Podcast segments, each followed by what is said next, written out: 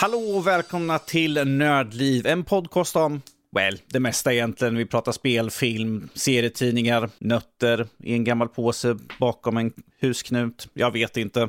Mycket spännande blir alla fall att prata i avsnittet som är avsnitt nummer 329. Jag heter Danny, med mig har jag Fredrik och Jesper.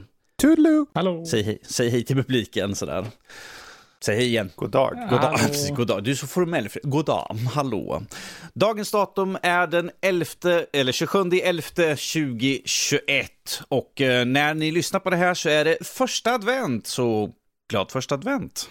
Jag Ja, hoppas ni mumsar lussekatter och dricker Just. massvis med glögg. Alltså, redan första advent, det är Det är redan galet, första alltså. advent, ja. Det- Räck. Ja, eller syftar du på att man ska börja dricka första advent redan, eller vad säger du Jesper? Jag menar att det är liksom, att i tid är redan första advent. Alltså det har gått så fort sen, det känns som 2020 nästan. Ja, verkligen. Eh, det- De här månaderna, det här året. Det kommer säga svush och så är vi inne i februari. Och då kommer det här året som är så tomt på saker att göra. Alltså, det, kommer, det händer ju absolut ingenting nästa år. Det Nej. kommer inte ut någonting. Tänk om de nu tomt. här på Game Awards bara, ja, och just det, och PSVR 2 kommer 4 mars. Rinner ur norsken då? Andra mars hade varit nice, fyller år och så. att- Okej, vi säger 2 mars då. Andra mars, bara för att göra, bara för att göra honom glad sådär. Breath of the Wild 2, andra mars. Ja, varför inte? Jösses. Med det sagt så här, vi har ett fullspäckat schema med allt från eh, uh, Shin Megami Tensei 5 kanske, kanske lite Ghostbusters Afterlife, lite Arcane, eller varför inte lite Hawkeye kanske.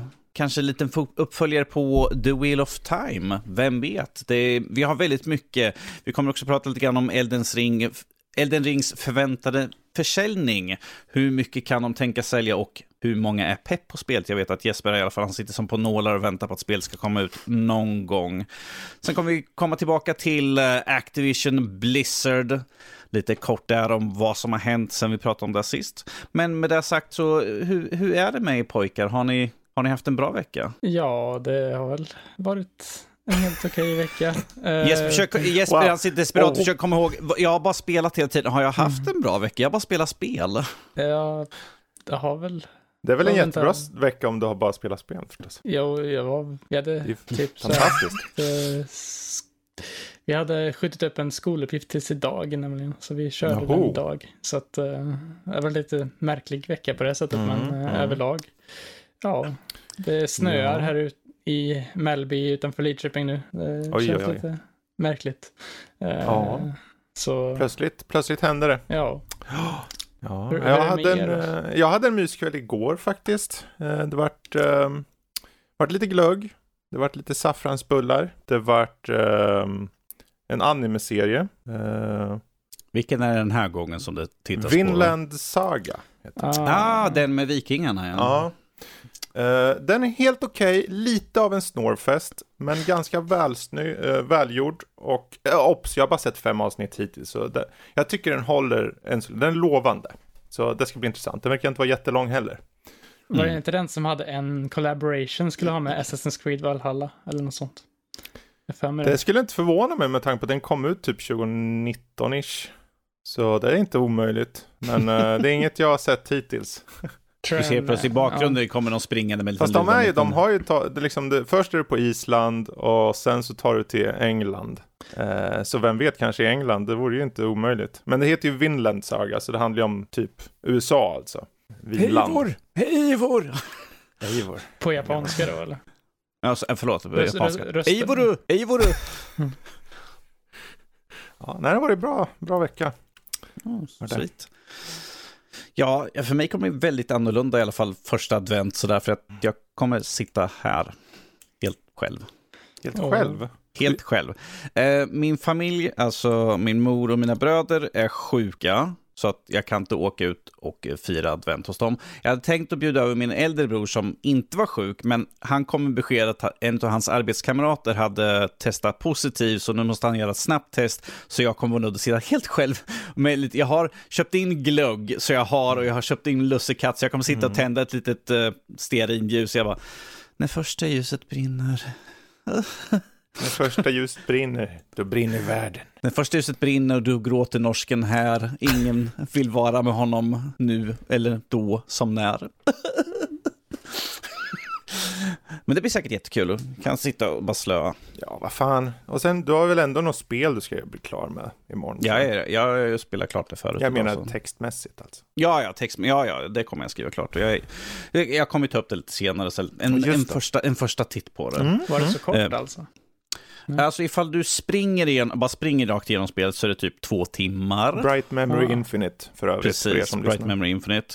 Uh, ifall du försöker levla upp dina vapen och specialabilities kan du ta tre till fyra timmar kanske. Det är ifall du verkligen springer omkring. Uh, jag, precis, jag tror på How long to beat it så tror jag var completionist var sex timmar någonting. Så jag tog, jag tog mig tid, men jag har ju kört igenom två gånger så mm. också. Eh, men vi kommer komma upp på det lite senare. Men vi kan ju faktiskt hoppa in på lite nyheter här. Och vi kan börja med det första som Fredrik med. Vi tycker om lite prylgrejer och sånt där. Så vi kommer prata ramminnen. Men inte ramminne i det mm. att vi kommer prata om ett specifikt ramminne, utan vi kommer prata om att hur mycket ramminne som kanske kan tänkas bli standard framöver. Ja, uh, det här är egentligen i samband med det här spelet som kommer som heter Icarus. Det är någon slags survival-spel som släpps nu inom kort. Uh, och då är rekommenderat i det här spelet 32 gig i ram. Och, det här, och i övrigt är det ganska så okej okay, uh, systemkram, men just att det är 32 gig. Mm. Och uh, det gjorde att jag själv tittade upp lite, okej okay, men hur ser det ut online? Hur många spel har det? Det finns ett par spel som kommer som har det.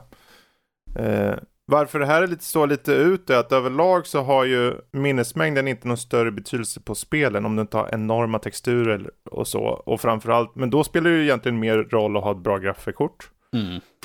Så vad innebär det då? Ja, för det blir ju ingen påverkan av spelen överlag i övrigt. Det är bara att du kan hålla mer i, i cash. Mm. Så det är en jätte... Jag tycker det är en ganska konstig utveckling. För att det ska inte, be, inte behövas riktigt egentligen. Om du inte, inte har 40 000 resurser i bakgrunden som körs. inte det mer typ till, eh, ram är väl bra till annat som inte är spel oftast? Typ, eh... Precis, typ som Photoshop och liknande. Ja. Där kan det vara bra med väldigt mycket ram. Så att de, att de vill ha det på rekommenderat, det är ju inte på, det är inte på minimumkravet, där är det fortfarande 16 på det här spelet. Mm. Uh, men att det är rekommenderat, ja, och då går vi också in i en ny generation nu av processorer och därigenom DDR5 som precis har utannonserats. Och de minnena är snordyra. Vi snackar 3 och 5 liksom för bara... För en sticka då? Nej, alltså för typ 30, vad blir det, 32 gig som jag tar i exempel då. Kanske 6 och 5 nu när jag tänker efter. Det var 16 det... gig kanske som var 16 gig. Ja, eh, oavsett så är det snordyrt för DDR5. Det går ju fortfarande att köra DDR4 och då kan det komma över ganska billigt. Men, ja, det eh, kan man. Men överlag så är det liksom jäkligt märkligt ändå. Men jag, jag, tror att mycket har att göra med att vi går mer och mer mot spel som utnyttjar betydligt fler kärnor och då kanske vill casha betydligt mer. Och, och det hänger ihop med de här konsolerna som har fler liksom kärnor och trådar. Eh, tyvärr innebär det om det är så, alla som sitter på en äldre processor som har mm. typ färre kärnor och färre trådar och måste relya mer på ramminnet. Ja, då kommer det säga jag orkar inte, Blä! och så dör den. Eller tar en liten kappsäck på ryggen och sen går den ut liksom, genom dörren. Eh, så det är inte så mycket en nyhet, mer som bara en observation känner jag. Så eh, jag tror inte det är fara och färda än. Det, det, ska mycket till för att det ska bli standard. Men jag tror det här är första steget mot att vi kanske faktiskt börjar gå dit. Så tänk på hur mycket ram ni har där ute om ni sitter på en datamaskin. Ja, jag har ju köpt in nytt ram, men det är ju bara 16 där också. Ja, ju, så. Det tar nog ett tag innan det blir standard. Det tar ju ett tag, men uh, ja, det är ju ingen fara för det där egentligen. En, som Nej. du sa. Så fint liksom slänga Sen är det med, som med allting, det, allting utvecklas. Det kommer bli mer, det hade ju blivit mer förr eller senare i alla fall säkert. Ja, ja, ja. Men, Självklart. Uh, det, det, är ju så det hela tiden. Vi har ju sett liksom ökat liksom sådär hela tiden, sakta men säkert under årets gång och sådär. Kan ju också vara att just det här Icarus exempelvis är väldigt ooptimerat som survival-spel ibland är. Alltså jag tänker kanske det är nog mer åt det hållet för att eh, vad jag har sett av det spelet, för jag har ju sett det på någon sån här show och sånt. Alltså det ser Mm. inte ut att vara det mest tekniska avancerade spelet jag sett. Även om det Men- ser ganska så, eller så det finns ju spel kan jag tänka mig som är alltså bättre optimerade och kanske Ja. ser bättre ut också. Ja. Det, det man kan tänka på är att det är oftast inte utseendet som gör att den kräver mer. Det är ju AI, eller AI ska det ska pratas med processorn och det ska hållas i ram. Säg att du gör mängder av grejer i världen. Du hugger ner träd, du bygger ett hus. eh, Alla sådana saker. Och hålla där liksom. Nu är det en kombination av många saker för, för att det ska vara så, men eh, det kanske har en del. Man, man ska göra jävligt mycket för att använda upp 32 gig ram. Inte om du har texturer på 8K liksom. Kanske är den här Ja. nya Unreal Engine 5-utvecklingen. Alltså att den, eh, alltså när den kommer för att den ska, men ändå så. Ja, alltså vi kommer, vi kommer hamna som sagt på 32 som eh, standard förr senare. Men eh, Jag, nu ty- jag, tycker se det, jag tycker det är kul ifall vi en vacker dag kommer komma och säga liksom, du måste ha minst 32 gig i ram för att kunna se splashscreenen på ditt spel. Du måste ha 120, 128 för att kunna spela, spela Ja. spelet, så då vet man att då är det liksom så här... "Ugh." Det är bara börja preppa där ute, spara pengar nu, nu är det snart dags. Men nog om det. Men fan, jag har ju precis köpt in nytt ju, så... Ja, ja men det är billigt in- vet du. Det är bara att köpa mer. Åh, gud. Jösses. Okej. Över lite grann till vad Jesper sitter här på spänn och väntar in så här. Elden ring.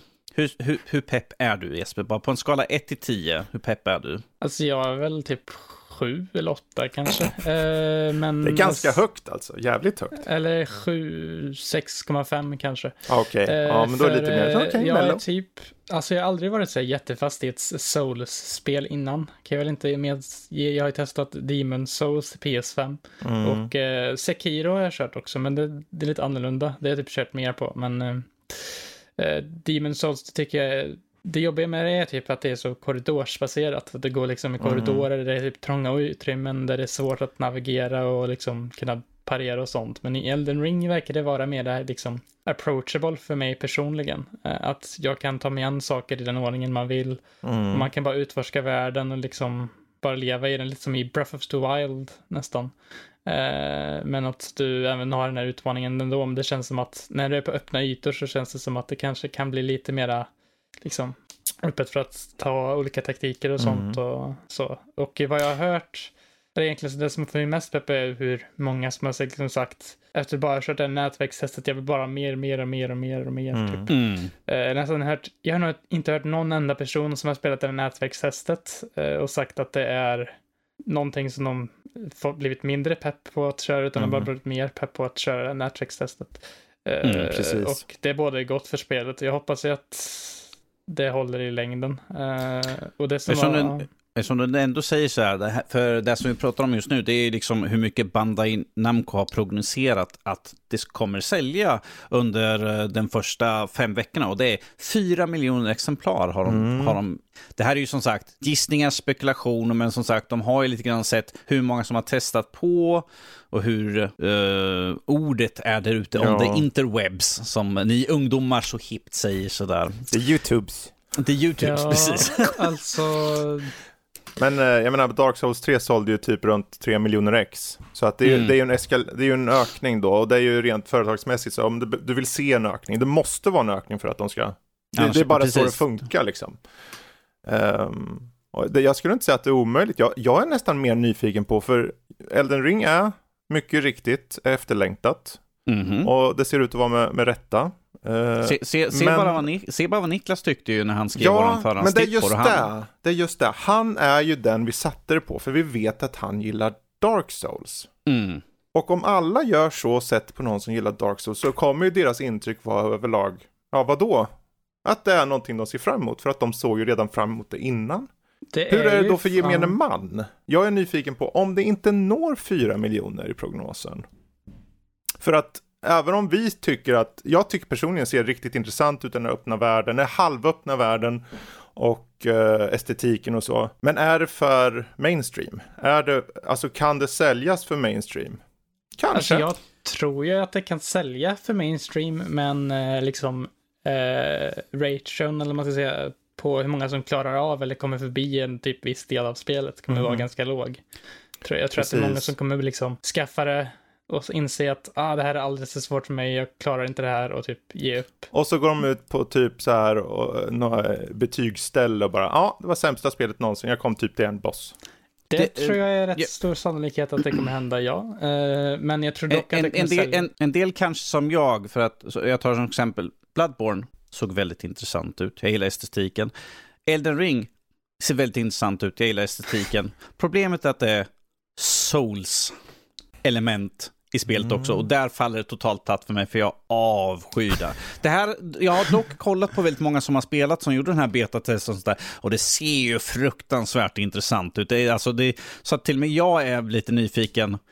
Men är jag så nyfiken jag är beredd att slänga ut pengar på ett spel, jag kanske kommer spela en kvart och sen kommer jag svära en hel helg. Ja, jag tror de vinner mycket på, för det här, för marknadsknepet överlag från eh, publishers och liknande är ju att gå ut med information och säga hej, det här ser ut att prognostiseras så högt. För det ger Mm. en positiv eh, effekt utåt. Eh, Mm. För varje, det, så är det med filmer också. Vi har redan greenlightat dem med uppföljare. Den, den gör de för marknadssyfte när man gör det. Ja. Eh, samma sak med Wheel of Time. Tredje säsongen, redan greenlightad. Och här Mm. då, om de nu säger att det är 4 miljoner ex, jag tror att det finns en stor chans också, mest för att antalet spelare i världen har, utö- har ökats. Även om det är nischat, så är 4 miljoner inte omöjligt. Särskilt om du tar in de som ni var inne på, människor som, ja men jag vill testa på det. De Mm. som har 5, 6, 700 spänn som de bara slänger ut på något och så testar och sen kommer de på, nej. För de flesta när de lägger pengar på något, de kommer inte bara, ja, jag tyckte det var jättedåligt köp. Man kan inte gå tillbaka oftast och lämna ett, ett spel så, eller lite sunken cost fallacy, att man, jag, jag vill rättfärdiga mitt köp. Det var bra, det, var bara att jag körde en kvart och inte orkade, men det, det, det var bra. Därav varför jag har runt 300 timmar plus i uh, uh, senaste Assassin.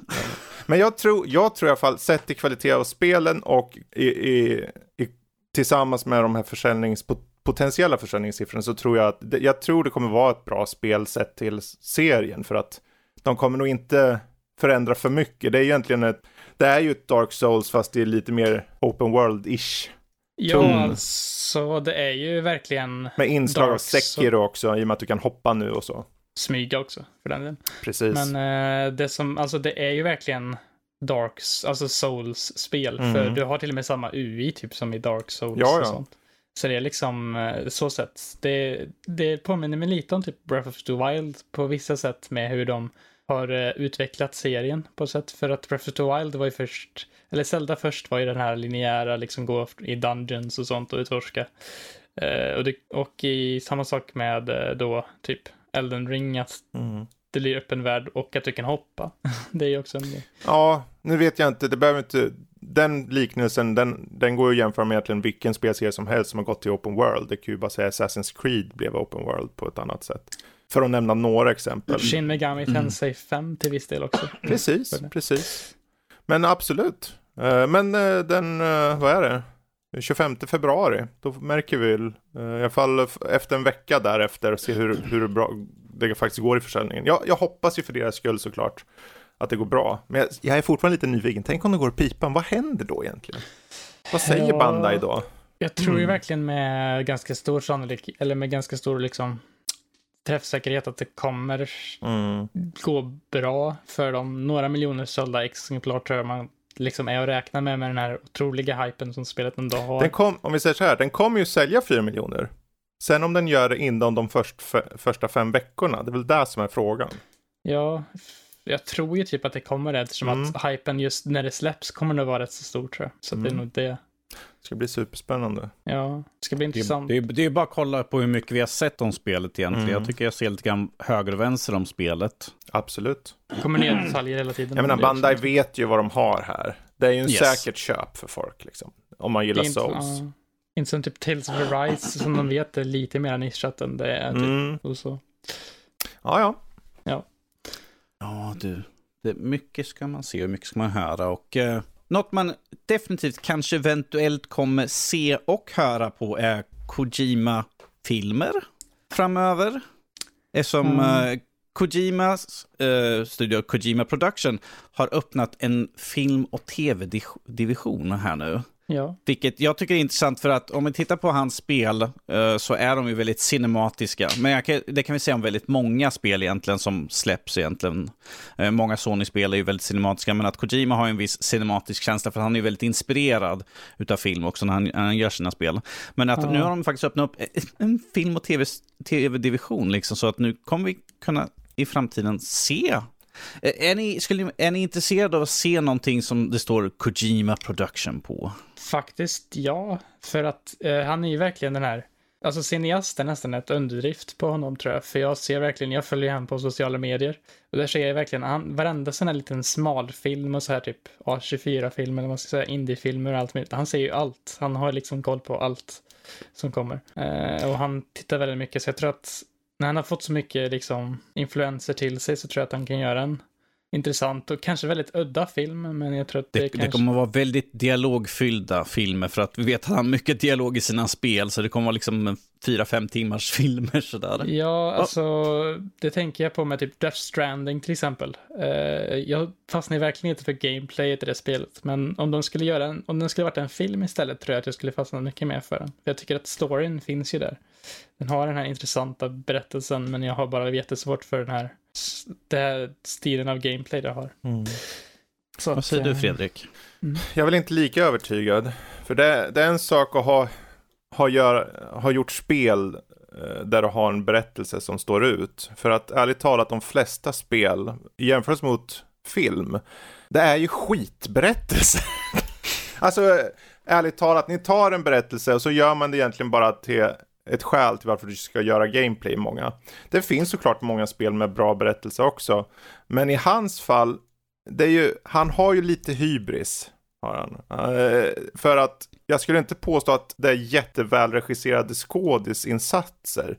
Eller andra aspekter. Det finns så många aspekter som du som regissör, om nu det han ska gå in som, än bara att liksom gör, sätta upp en story. Så Jo. med det sagt, alltså sure, kör vind. Men, eh, man, det är ett annat medium. Och väldigt, väldigt annat medium. Så jag, jag hoppas att han har någonting väldigt starkt i manuskript och att han vågar ta in en annan regissör i så fall. Eh, om han gör allt på, på, på ett projekt så finns det en risk att det bara failar totalt istället. Ja, alltså jag tror att han har ju till att liksom, om han känner att han behöver ta in någon annan så tror jag att han, han känner till mycket inom spel eller Mm. filmbranschen som han vet är bra och så. Så jag tror att det kan bli liksom, om han är med lite mer liksom i bakgrunden i något större projekt tror jag att det kanske kan vara bättre som du säger att. Jag menar ifall han, ifall han bara producerar, är producent. Mm. Mm, men jag tror inte han, han, ni vet ju, han, han kommer ju aldrig vilja bara vara producent. Han kommer vilja göra allt. Han kommer vilja styra produktionen sett i regi, han vill ha, välja skådisar, han vill göra storyn, han vill göra allt tror jag. Och det är frågan om, för det, jag menar, som, han har världens längsta mellansekvens på 71 minuter. Ja, jag vill inte se en film som har en dialog på 40 minuter först, för att sen påbörja spelet, eller filmen menar. Mm. Nu, för han, kan han, kan han containa sig själv i filmformat? För det är lätt att kunna ha en jättelång story och dra ut på det i spel. Men hur, Mm. hur, hur är han då i, i eh, film och tv-sammanhang? Ja. Jag hoppas och tror att det kommer gå bra. Självklart. Jag menar, eh, i så fall tv kanske är bättre, för där kan du ju liksom, Mm. blir det långt, stycka upp det och göra till flera Precis. delar. I en film, du kan ju egentligen bara ha så långt som är acceptabelt. du, du ska landa runt två timmar och då Ja. ska du ha contain, du ska liksom inte ha, men scener ska ju vara en tre minuter i styck för att gå över till varandra och så vidare i snitt. Eh, Kan Mm. han containa sig? Eller vill han infodumpa där deluxe liksom? Hmm. Man, får, man, man, går, man, man går på bio för att se en av hans filmer så får man en som en bibel typ så tjock. Här är liksom bakgrundsinformationen du behöver liksom. Han, har ju, han har ju det visuella, han har ju Mm. de abstrakta idéerna. Det, det kan man ju inte komma ifrån. De här intressanta uppläggen och premisserna. Kan han förvalta det? det blir, jag tror det blir intressant att se. Jag är dock svagt förhoppningsfull bara. Ja, alltså jag tror att det smartaste för han nästan är att inte gå in på den här typ big production på det sättet, liksom sån här typ typisk så här storfilmsfilm, utan att han går in mer på typ indie-stil på sina filmer. Sån här Tror typ du små- att Kojima skulle göra det? Han är ju alltså, den som vill ha den det, men- största budgeten. Han vill ha de största skådisarna. Han vill ha det fetaste projektet. Men om jag skulle liksom säga någonting jag tror att det skulle bli bäst Mm. av, tror jag att det skulle vara att han gör små, alltså typ den här indie-typen av film. För att jag tror att det är typ det han, han det, det är det han har typ min mest entusiasm Mm. för att kolla på också, också tror jag. Och det är det han, jag tror att han har mest koll på. eh, Egentligen. Kanske. Kanske. Eh, Men jag tror inte det kommer vara det. Men i typ Alltså jag tror han har ju ja. mycket fokus på sci-fi och, och den typen av berättelser. Så jag tror snarare att det han vill göra potentiellt är det som kostar mest i den typen av industri. Det, men det är som Danny sa, tv-sidan. Om han kan begränsa sig till budget, för det är ju budgeten är ju problemet där för honom tror jag. Mm. Säg att du får en miljon till fyra miljoner per avsnitt, vilket är jävligt mycket. Jävligt mycket. Men allt hänger på vart han kan sälja in sina projekt. Om man tar sig Amazon Prime, särskilt i dessa tider när streamingföretagen bara slåss om att få eh, några bra IPs, några bra liksom, tv-serier. Så varför inte? Ja. Bäst vore ju kanske ifall, som sagt, att det bara finns en film och tv-dimension, men att han är liksom inte delaktig, utan liksom att de tar liksom, att han kanske pitchar grejer, Mm. men att studion sköter sig själv, liksom, att det är liksom bara försöker göra saker i hans stil. Eller sånt som han är intresserad av. Det är kanske bättre att han håller sig till det som han gjorde. Annat, Ja. ifall, han skulle, ifall han ska gå in och liksom regissera film så kanske han först bör gå med någon riktig. Se hur, arbet, hur man arbetar, hur det fungerar, lär sig liksom. Han kan i spel, sure, han är en veteran där. Men att gå in och köra film är en helt annan femma. Det är ju två helt skilda medium på den biten. Förutom det visuella liksom berättande med att det är hur allting ska skötas, vem sköter vad, vad händer här, Mm. hur ska jag få allting gjort. Det finns så mycket folk och saker runt omkring som man måste lära sig innan man bara Sen hoppar in så, i man får ju någonting. ha lite, för att vända på det lite, man får ha lite så här, ja men han måste ju gå igenom några projekt innan det kanske Mm. sätter sig också. Så Ja. att man har lite så här, okej, om det kanske Men failar det, först. som, det, men... det är som Jesper sa, köra några små, små projekt först. Mm. Börja, börja liksom med något litet smått och sen arbeta sig uppåt. Det är ju där vi så här rent så här konkret kan tycka är det smarta. Frågan om ja. Hideo Kojima kommer att göra en liten smal indiefilm. Nej, han, han kommer ju sikta mot stjärnorna på en gång. Kommer Ja, han. Och sen om han lägger ner, nu vet ju det här med liksom så här filmbolag, om de då, okej fan han har ett stort namn, vi kan lägga 50 miljoner på han till 80, som är numera ett ganska smal budget för en, en mellanstor film. Mm. Om han failar då, ja då, då får vi inte se han igen tror jag. Nej. Eh, Inte, inte hur det ser ut i film idag, just, i, en- Inte hur det ser ut med film i dagens läge. Säljer du inte då, då är det liksom... Undantaget skulle vara om han kom in på Blumhouse och fick någon att göra något av hans, om man har, säg att, för han måste ju äga Death Stranding. Ja. Så om han får möjlighet att eh, ge ut Death Stranding och säga till Blumhouse som har i regel 5-10 miljoner budget och säga hej, gör en, en film på det här. Och sen så tar de in någon av sina regissörer som gör det. Då däremot, då kan det vara något. För De- Death Stranding är ganska återhållsam på vissa sätt. Fyra timmar med Norman Reedus som bara vandrar omkring med ett Ja, men det, paket du behöver ryggen. landskapen, du behöver lite spöken, men äh, så farligt är det inte om du håller Ja, tillbaka alltså, på det. Liksom. Det kan man nog ganska, alltså Death Stranding kunde man nog göra, alltså med de här sektionerna han går runt med. Paketen kan ju bara vara någon minut när han liksom går igenom landskap typ. Mm. Egentligen, det behöver de ju inte dra ut på så jättemycket för det Nej, finns du kan ju inte dra ut det, för det är, ju ett filmmedium, så att då, då kommer du döda publiken. Du kan ha det i en Ja. par sekunder och sen, det är ju, det måste ju vara berättelsen som för honom vidare genom landskapen. Han måste vara jagad, han måste vara liksom något åt det här hållet. Det är det grejen med Death Stranding har ju, alltså har ju berättelse för Mm. en långtidsproduktion. Plus det i spelet. Så att det, Verkligen. liksom, det är det som är problemet för mig. Ja. Att speldelen blir så lång i spelet så att det blir liksom, man tar så lång Det tid. kanske innan man är det bästa till- som kan ske. Death Stranding som film och vi slipper att se Mm. han ut och gå där i 40 minuter i sträck. Inte Ja, ja, nu, det. nu går vi vidare. De, jag, jag tycker det skulle vara kul för de hade att han vandrade allting sånt där i realtid. Men att de gör, de speedar upp det liksom eh, tusen gånger så man ser bara... Ja, de har ju Norman sen kan- Reedus redo i alla fall, det är bara att slänga in honom. Sen, sen kan vi få en liksom så här, den, the real cut, då allting är i realtid. gud. 20 timmar. 300 timmar med Norman Reedus. ja, ja, Ja, fortsätt nu. Vi fortsätter här nu med lite remaster-rykten eh, och här har vi nu Chrono Cross som ryktas som att vara på gång till moderna format sådär. Är det någon av er som är intresserad av att se Chrono Cross? Jag tyckte mest att jag, jag la med det här, tänkte jag, någon kanske känner till det här. Ja, jag, jag, jag har kört Eller det. tycker och om det. Och så. Skräp. Ehm, är det så dåligt? Chrono Cross, är usch. Oj, då. Oj. Jag tror det var ett Alltså, hyllat jag- spel. Nej, alltså, Nej, alltså, det är problemet är att det är en uppföljare till Chrono Trigger, vilket jag säger, nej det är det inte. inte. För att det är ju inte det är det. Eller, det är ju ny, Det är bara ny... ett annat spel som de slängde på Chrono Cross-namnet för att Chrono Trigger sålde så bra. Ja, alltså det finns väl typ en referens vad jag har förstått. Typ till typ Lavos eller något. Det är huvudfienden i Chrono Trigger, men det är väl det. Uh, jo, jag skulle vara intresserad av att se. Alltså jag vill inte att de ska göra en remaster bara då i så fall. Uh, ifall det har fått så dålig kritik på, uh, vad heter det, originalversionen. Så är det ju, jag tror det är bättre då om de gör en riktig remake när de liksom, för jag har hört att vissa tycker att storyn i alla fall är helt okej för att, för att på, alltså stå på egna ben. eh, utan Chrono Trigger vid sidan om liksom. Mm. Men att spelmekaniken är väldigt märklig i det spelet. Uh, är det inte något skumt när man levlar och sånt, om jag minns rätt? Typ. Jag, jag var ingen fan av spelet när, när det begav sig Ja, För- 20 plus år sedan. det är i alla fall, jag har sett mycket som tyder på att det här ryktet också stämmer i och med att uh, Junichi Masuda, han som gör musiken till det, har gjort ny recordings med uh, uh, Anuna eller vad den heter, någon uh, irländsk folkmusikgrupp. Uh, Vilket också kan vara Xenoblade Chronicles 3 förvisso, för att de gjorde med i Xenoblade Chronicles 2 och det har ryktats om det också.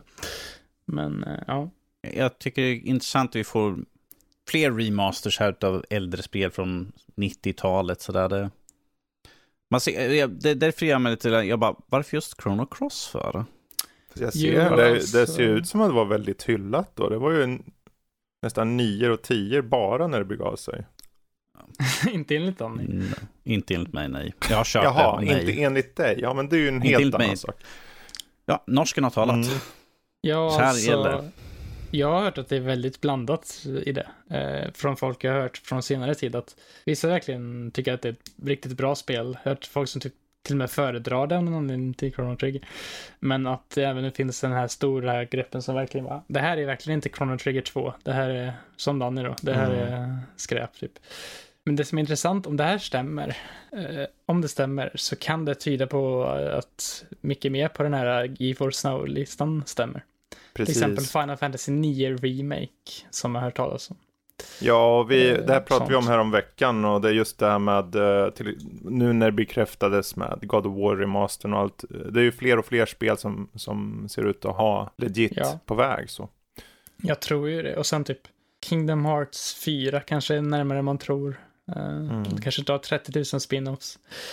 Men det är ju just Ge- GeForce Now-läckan var intressant för att den avsåg ju till stor del för spel som kommer till PC.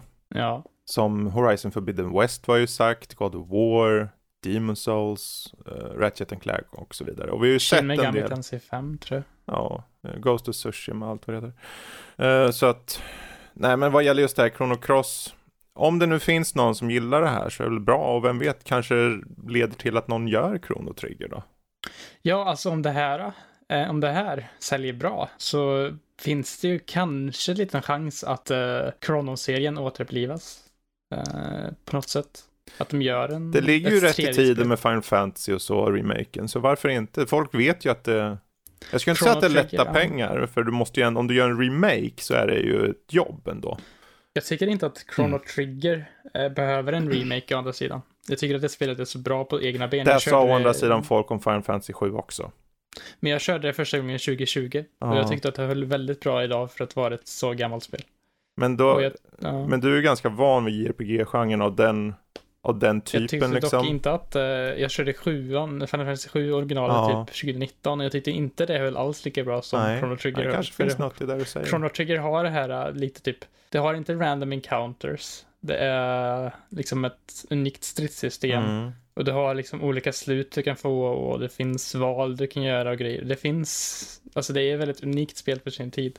Precis. Och som ett, håller även idag, ganska tidslöst. Jag, jag tror nog det är ju bara en tidsfråga. Jag menar om de, de gjorde ju en remaster på den här Saga Frontier här nu i Ja. somras, Square. Så alla de här spelen de har kommer ju komma bara.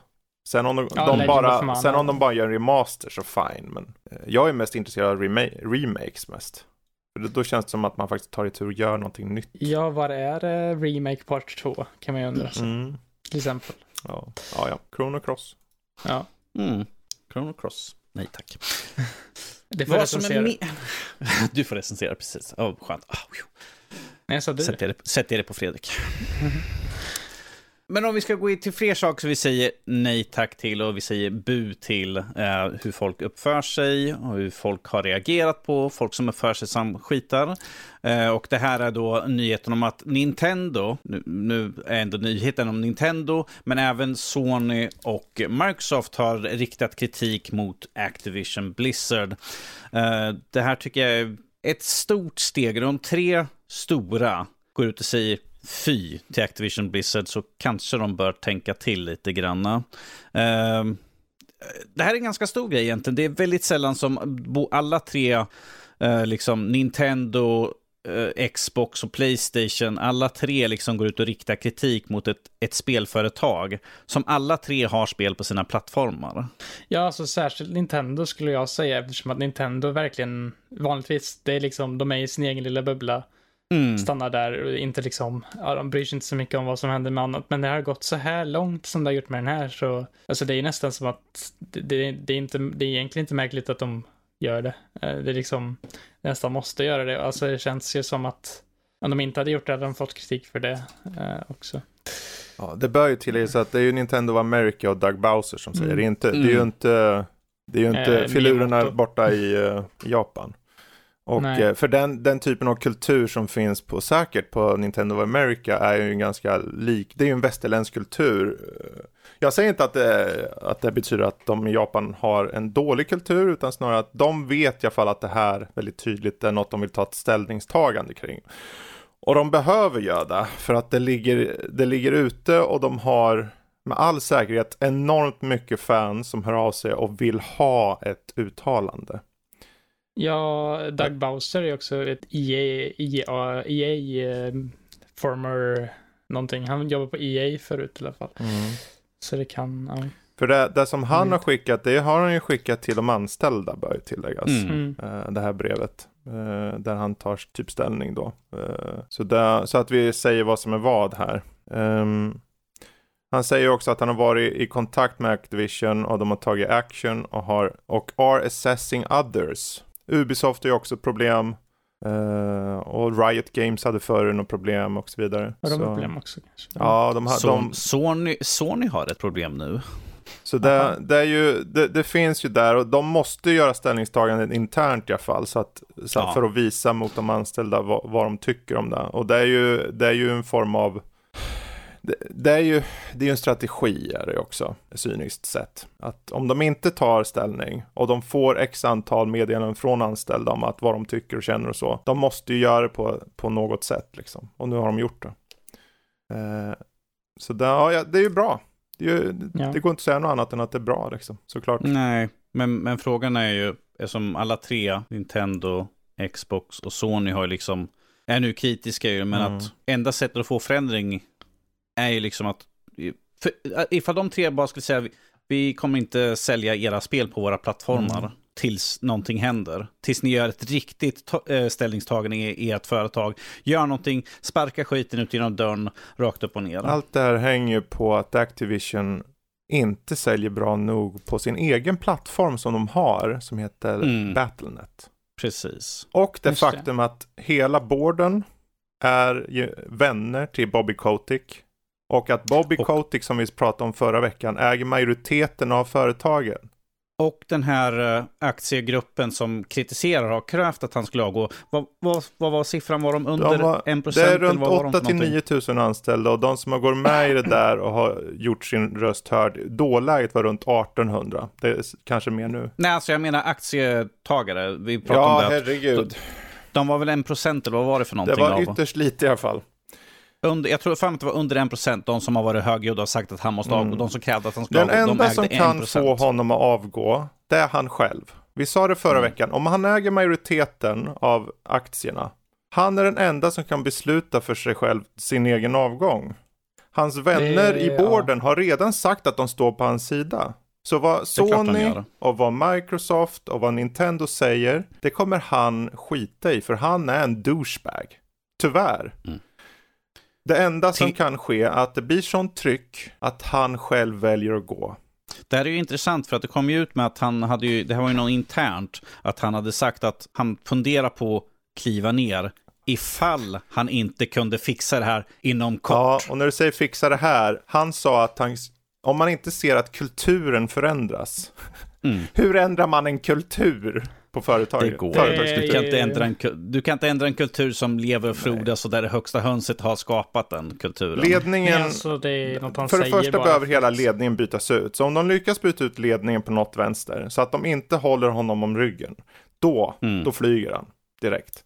Men än så länge, i och med att han som sagt äger mer eller mindre merparten, så kan Nintendo säga vad de vill.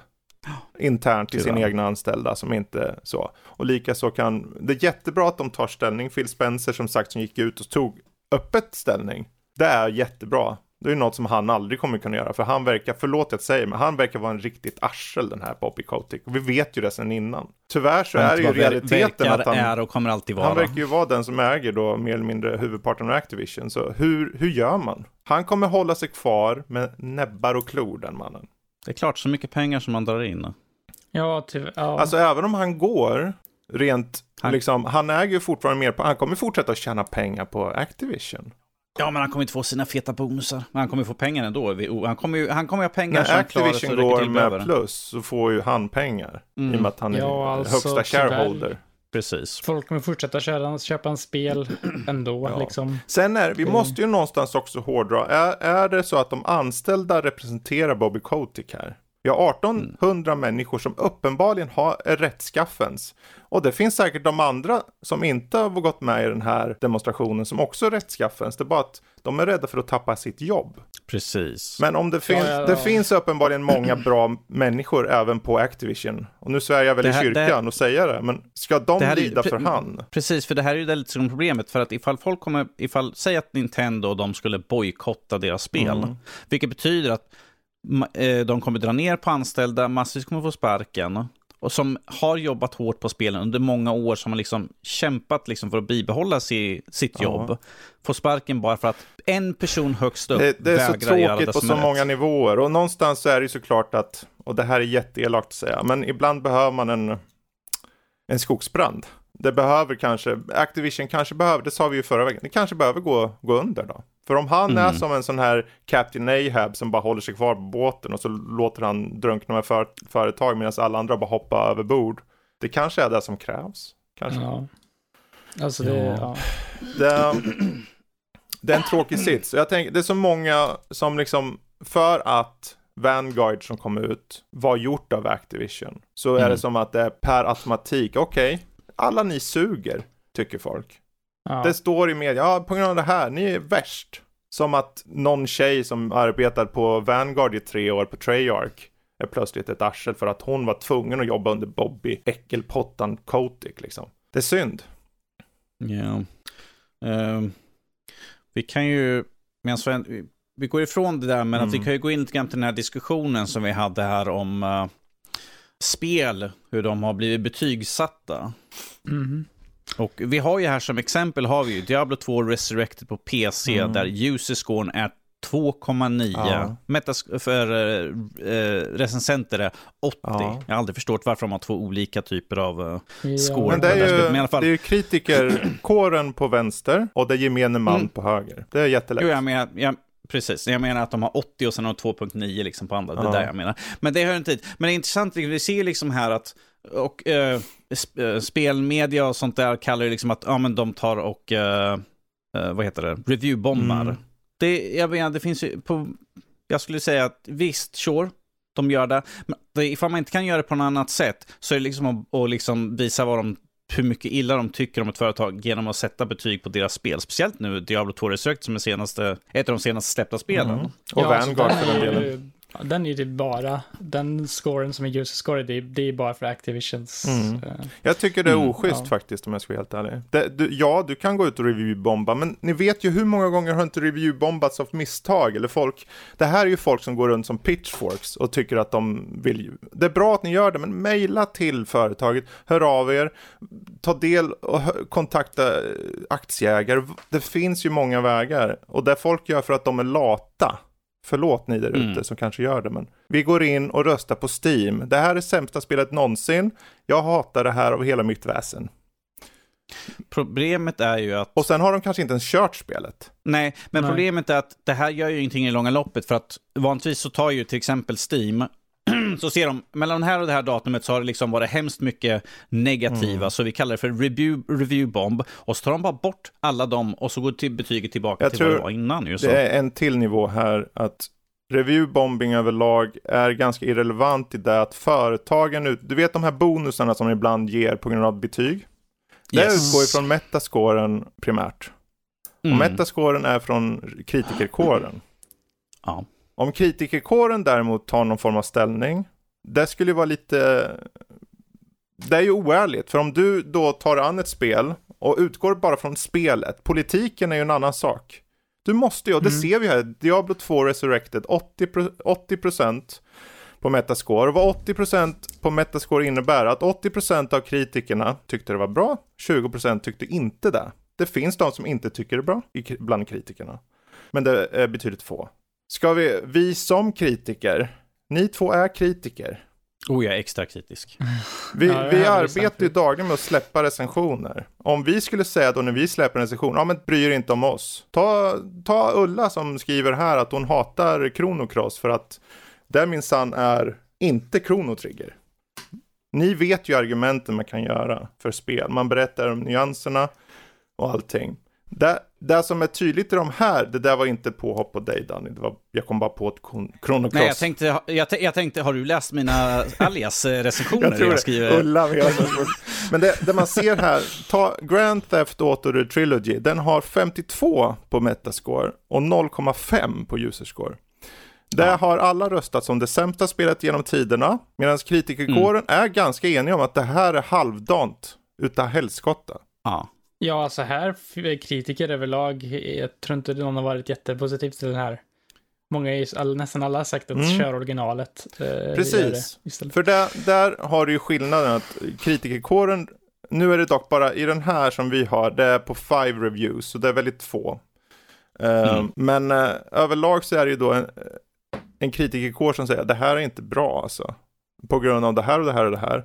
Gemene man säger bara det här är ju inte originalet. Det här är ju skit. Eller det funkar inte eller vad det nu må vara för något fel.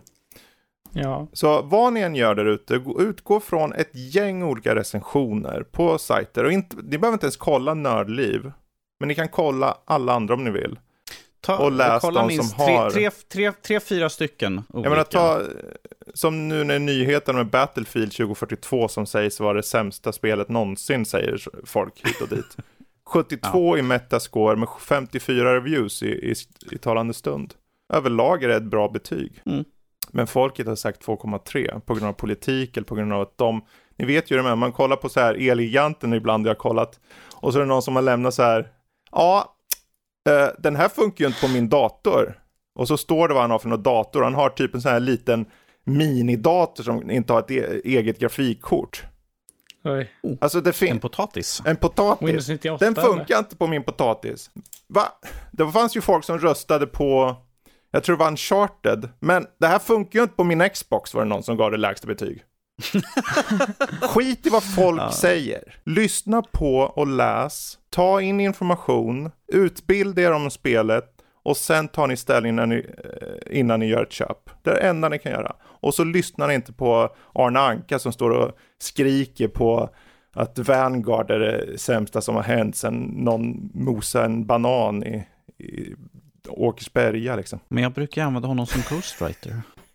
Arne Anka. Hur ska, hur ska, ja, hur ska jag nu göra När med mina första ljuset recensioner? brinner, då brinner Han ska, Vanguard. skriva, han ska skriva min recension imorgon just. Ja, nu vart det en rant där för mig. Men jag är bara trött på folk bara antingen hoppar ner till lägsta eller så är det bästa någonsin.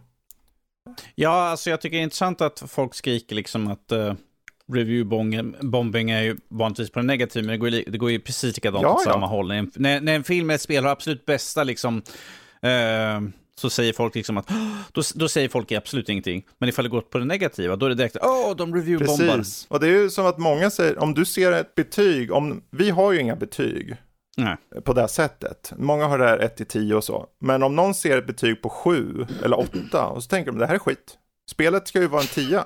Ja. Det är som, Alltså- det är som Metroid Prime. Jag kommer ihåg jag skrev i någon sån här Nintendo-grupp så här. Ja, jag tycker det här var ett bra spel. Det här gav jag 7,5. Dread menar du väl? Ja, Metroid Dread, förlåt. Metroid Dread och jag gav typ 7,5 till 8 sa jag. Men jag såg att den hade några saker. De bara, du vet ju inte vad du pratar om. Det Är här... inte du bannad från Nej, det? det blev jag inte. Men, jag har eh, det var- Det var ju 15 pers innan så det här är 10 av 10, det bästa spelet genom tiderna. Det här slår allt. Ja. Men det där är ju en person som har levt med Metroid i, i 20-30 år och lever och bara vill se det. Och det är de personerna som ger det högst eller lägst. För om Metroid Dread hade gjort något annorlunda. Om de hade, ja men nu vill vi göra om det här. Du kanske när du ska ta en, an pussel så blir det en i första person bara. Just om vad som helst förändrar formulan. Och de skulle säkert fått 10 personer som sagt det är ett av 10. För det är så det, är funkar inte liksom. Metroid. Det är inte Metroid längre typ. Typ, det är det. Antingen, ja. Sam, Samus blir inte en boll utan en liten kub.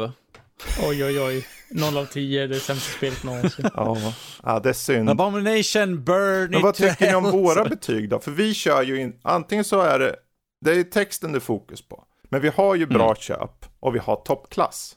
Vad Ja. tycker ni Jag om tycker det, det är vi riktigt har? bra faktiskt, för då får man liksom en bättre överblick på om man tycker det är liksom prisvärt för det det är. och Liksom, man utgår ifrån lite mera, när det är bra köp, liksom, om, om det är ett riktigt bra spel, men också som är pri, Mm. liksom också är prisvärt eh, spel. Och då toppklass, då är det liksom, det här var riktigt, riktigt bra. Men visst, det är fortfarande kanske inte perfekt, perfekt, Nej. men Inget det, betygssystem tror jag är perfekt. Inte Nej. hårt heller. För, jag, för, jag, för jag tycker att vanligtvis så brukar folk bli så här liksom, de ser en siffra, de bara stirrar sig blind på en siffra Ja. och liksom, liksom försöker liksom bara, hur ska, hur ska jag ställa mig? De sa sju på Metroid, jag, är det bra, är det dåligt? Precis. Liksom, oh. Men ifall du, bara, ifall du istället bara läser en text, vi har bra köp och vi har toppklass. Eh, toppklass är inom dess genre, liksom, eller liksom rent generellt, bra köp. Är ett spel som är ett bra köp, då får du utmärkelsen helt enkelt. Mm. Och det kan vara ett spel som är kort men är väldigt eh, liksom tjockt med detaljer eller ett som är väldigt långt och ger mycket för pengarna. Mm. Lag så måste ju såklart vara kvalitativt. Vi slänger ju inte på på vad som helst. Och toppklass är ju, om man ska hitta någon form av jämförelse med 1 till 10 så är det typ en 9 av 10. Det fin- Toppklass är inte 10 av 10 för det existerar liksom inte så. För en Ehm. 10 är liksom det absolut bästa spelet någonsin, som de säger om uh, Metroid Dread där forumet. Ja. ju. Sen fanns det ju de, det bör tilläggas, det fanns de som var nyanserade och varför de gav 10 av 10 och det tycker jag är helt okej. Men 9 av 10, 10 av 10, det är svårt att få ett sånt betyg för det betyder att om du ger 10 av 10, då ska det spelet funka för alla människor i alla situationer. Oavsett plattform eller var man kommer ifrån så ska du älska det spelet. Och om du ger det, Det- det, blir ju ja, svårt det finns- såklart. Finns typ inget spel som jag tror är så egentligen. Nej, Tetris. Tetris. Nej, Det Tetris kanske. Fre- Fredrik vet vad jag pratar om. Tetris. Ja. ja, nej, det är en intressant diskussion. Jag, jag bara säger det här, det, vi sitter inte på några svar. Vi sitter bara med åsikter just nu och utgår från vad vi själva arbetar med då liksom dagligen nästan. Och eh, vad ni tycker skulle vara jätteintressant, hör av er bara. Info at nordlivpodcast.se och säg vad ni tycker. Är det så ni känner att, ja men, Diablo 2 Resurrected ska vara ett av tio på grund av det här och det här. Gör det. Eller Vanguard eller Battlefield eller vad det må vara. För all del. För all del. Go for it. Sweet. Så länge det inte ger uh, Fredrik 1 av 10. Det går. Jag får tre av tio. Eh, vi har en, eh, en nyhet som du är som du har lagt in Jespers där, som du tycker är intressant av mer än bara en anledning och den här Panda Global Unveils Super Smash Bros Partnership with Nintendo. Ja. Kan du berätta lite mer om vad det är för någonting medan jag försvinner bort i min vithet från min skärm just nu. Jag håller på att bli bländad här. Eh, Nintendo har, eller både Panda Global, e-sportsteamet, och Nintendo har gått i ett samarbete där de ska hålla en slags så här e-sports circuit eh, nästa år. Eh, där de eh, eh, har med Super Smash Bros eh, i. Och det intressanta med det här är att de godkänner, Nintendo godkänner att Super Smash Bros Melee ska vara med förutom Super Smash Bros Ultimate. Och för de som följer scenen vet att Förra året så hände det lite grejer med uh, Super Smash Bros Melee. Uh, varenda turnering som försökte ha Super Smash Bros Melee blev nedstängd med en gång bara. Nej, ni får inte ha det här spelet, det här är ett gammalt spel, spela vårt nya spel. Och sen, uh, och sen har de också in, aldrig gått in med och liksom supportat finansiellt en Nintendo, eller en Smash-turnering förut heller. Mm. Vilket också är en väldigt stor grej och en väldigt stor del att få kanske att ja, ha lite mera pengar i omlopp i Smash-scenen och liksom få supportat av Nintendo, det är jättestort. För det är ju liksom Nintendo som har Super Smash Bros. Eh, märket och det är liksom, det är deras spel. Och Nintendo har aldrig varit liksom supportat att det här ska inte, det ska inte ens vara ett e-sport, det ska vara ett partyspel du spelar med några vänner i soffan en lördagkväll. Du ska inte sitta på en arena där tusentals människor hejar på dig. Du ska sitta hemma med dina två, tre kompisar och spela spel. Ja, eller upp till åtta personer om du spelar åtta players Smash. Mm. Men som sagt, det jag tycker är mest intressant, som sagt, som du nämnde det, att Mele är med. Ja. Eftersom det var ju sån kontrovers här när de, när de stängde ner det och mm. vä vägrade låta folk ha med det. Och när folk, var det att de försökte köra egna turneringar med det, med att de fick inte fungera ordentligt. Grejen med Förra året var ju verkligen, det var ju, det, det var ju ett pandemiår förra året. Man mm. kunde inte ha turneringar på plats och sånt. Och eh, Nintendo skulle, de skulle ha någon slags Smash World Tour heter det. De skulle ha någon stor, stor turnering där de skulle hålla både Smash och Ultimate och Melee tänkte de först. Men eh, sen fick Nintendo reda på att de använde, för Melee så använde de en emulerings eh, grej som kallas för Slippy. Ja, så var det ja. Och de den här Slippy, det var liksom, alltså emulering, alltså fy skam på er. Bara, Nintendo säger fy skam på emuleringen när typ hälften av deras spel är emulerande ändå. Nu vill inte ja, jag vara sån, men... Och sen bara Mario, Mario nämner bara det. Season the sist. Och det får mig nästan att tänka lite, men tänk om. Det här tyder på någonting Nintendo har i planerna. Tänk om de tänker på att typ föra in GameCube-spel i online nästa år eller någonting. Att mm. eh, Melly kommer snart finnas på Switch ändå, så det gör ingenting att Melly är med. För det skulle förklara en del grejer i sig. Mm. Uh, för då skulle man kunna ha online-turneringar i Melly utan att det är en emulering på olagligt sätt om man säger så. Precis. Så det kan ju vara det. Men uh, ja, i alla fall det är intressant att se och det är väldigt glädjande för de som verkligen har kämpat för det här i så många år nu att få det här att bli till verklighet. Liksom. Så ja, det var väl om Får... det precis. Får vi hoppas att folk då visar sin uppskattning att, att vi får den här turneringen med Nintendo inblandad och med eh, Mel också då. Så det inte liksom, det kommer, ingen kollar, de bara, varför gjorde vi det här för? Eller de typ tar bort vad, liksom, folk, äh... vad har folk bråkat om så länge nu om? Ta bort möjligheten att göra alla de här exploitsen som de har i Melees. För de spelet går ju typ ut på att spelet är lite brutet när mm. det kommer till, för de har ju, alla professionella spelare använder ju vissa mekaniker som inte är tänkta i spelet från början. Och det är kanske Nintendo blir sur av, jag vet inte. Men eh, vi får se. Precis. Och Fredrik tycker att det är bara helt fantastiskt. I love it. You love it, där. Du kommer vara med i Melee och vinna hela proppen. Nej, det hade varit kul att testa det, jag har aldrig kört det. Men uh, jag tror inte jag kommer vinna någon turnering första gången jag kör det direkt. Nej. ja. ja, ja. Men där har vi i alla fall lite grann nyheter. Men jag tänkte att vi skulle ta och skutta in för uh, nästa månads spelsläpp här nu. Som det här släpps och nästa vecka så kommer det vara första december. Tänk att vi redan är mm. där. Så tycker, tycker det är jobbigt att när folk lyssnar på den här avsnittet så är det sagt första advent. Så det känns som att nyss var sommar. Så. Men vad har, vi, vad har vi då sett till december? Well, jag vet ju en, för, för vår egna lilla Lotta så är det ju Final Fantasy 14 Endwalker som släpps då eh, den sjunde. Eh, sen... Tredje tekniskt sett. Mm. Early access om man förbokar. Early access ja, men för, för liksom alla, liksom, det ordentliga släppdatumet, ifall du inte har köpt det, är ju liksom sjunde. Men att Lotta kommer sitta där, vi kommer inte höra av Lotta på länge sådär. Mm. Det, ja, Endwalker är ju ett stort släpp.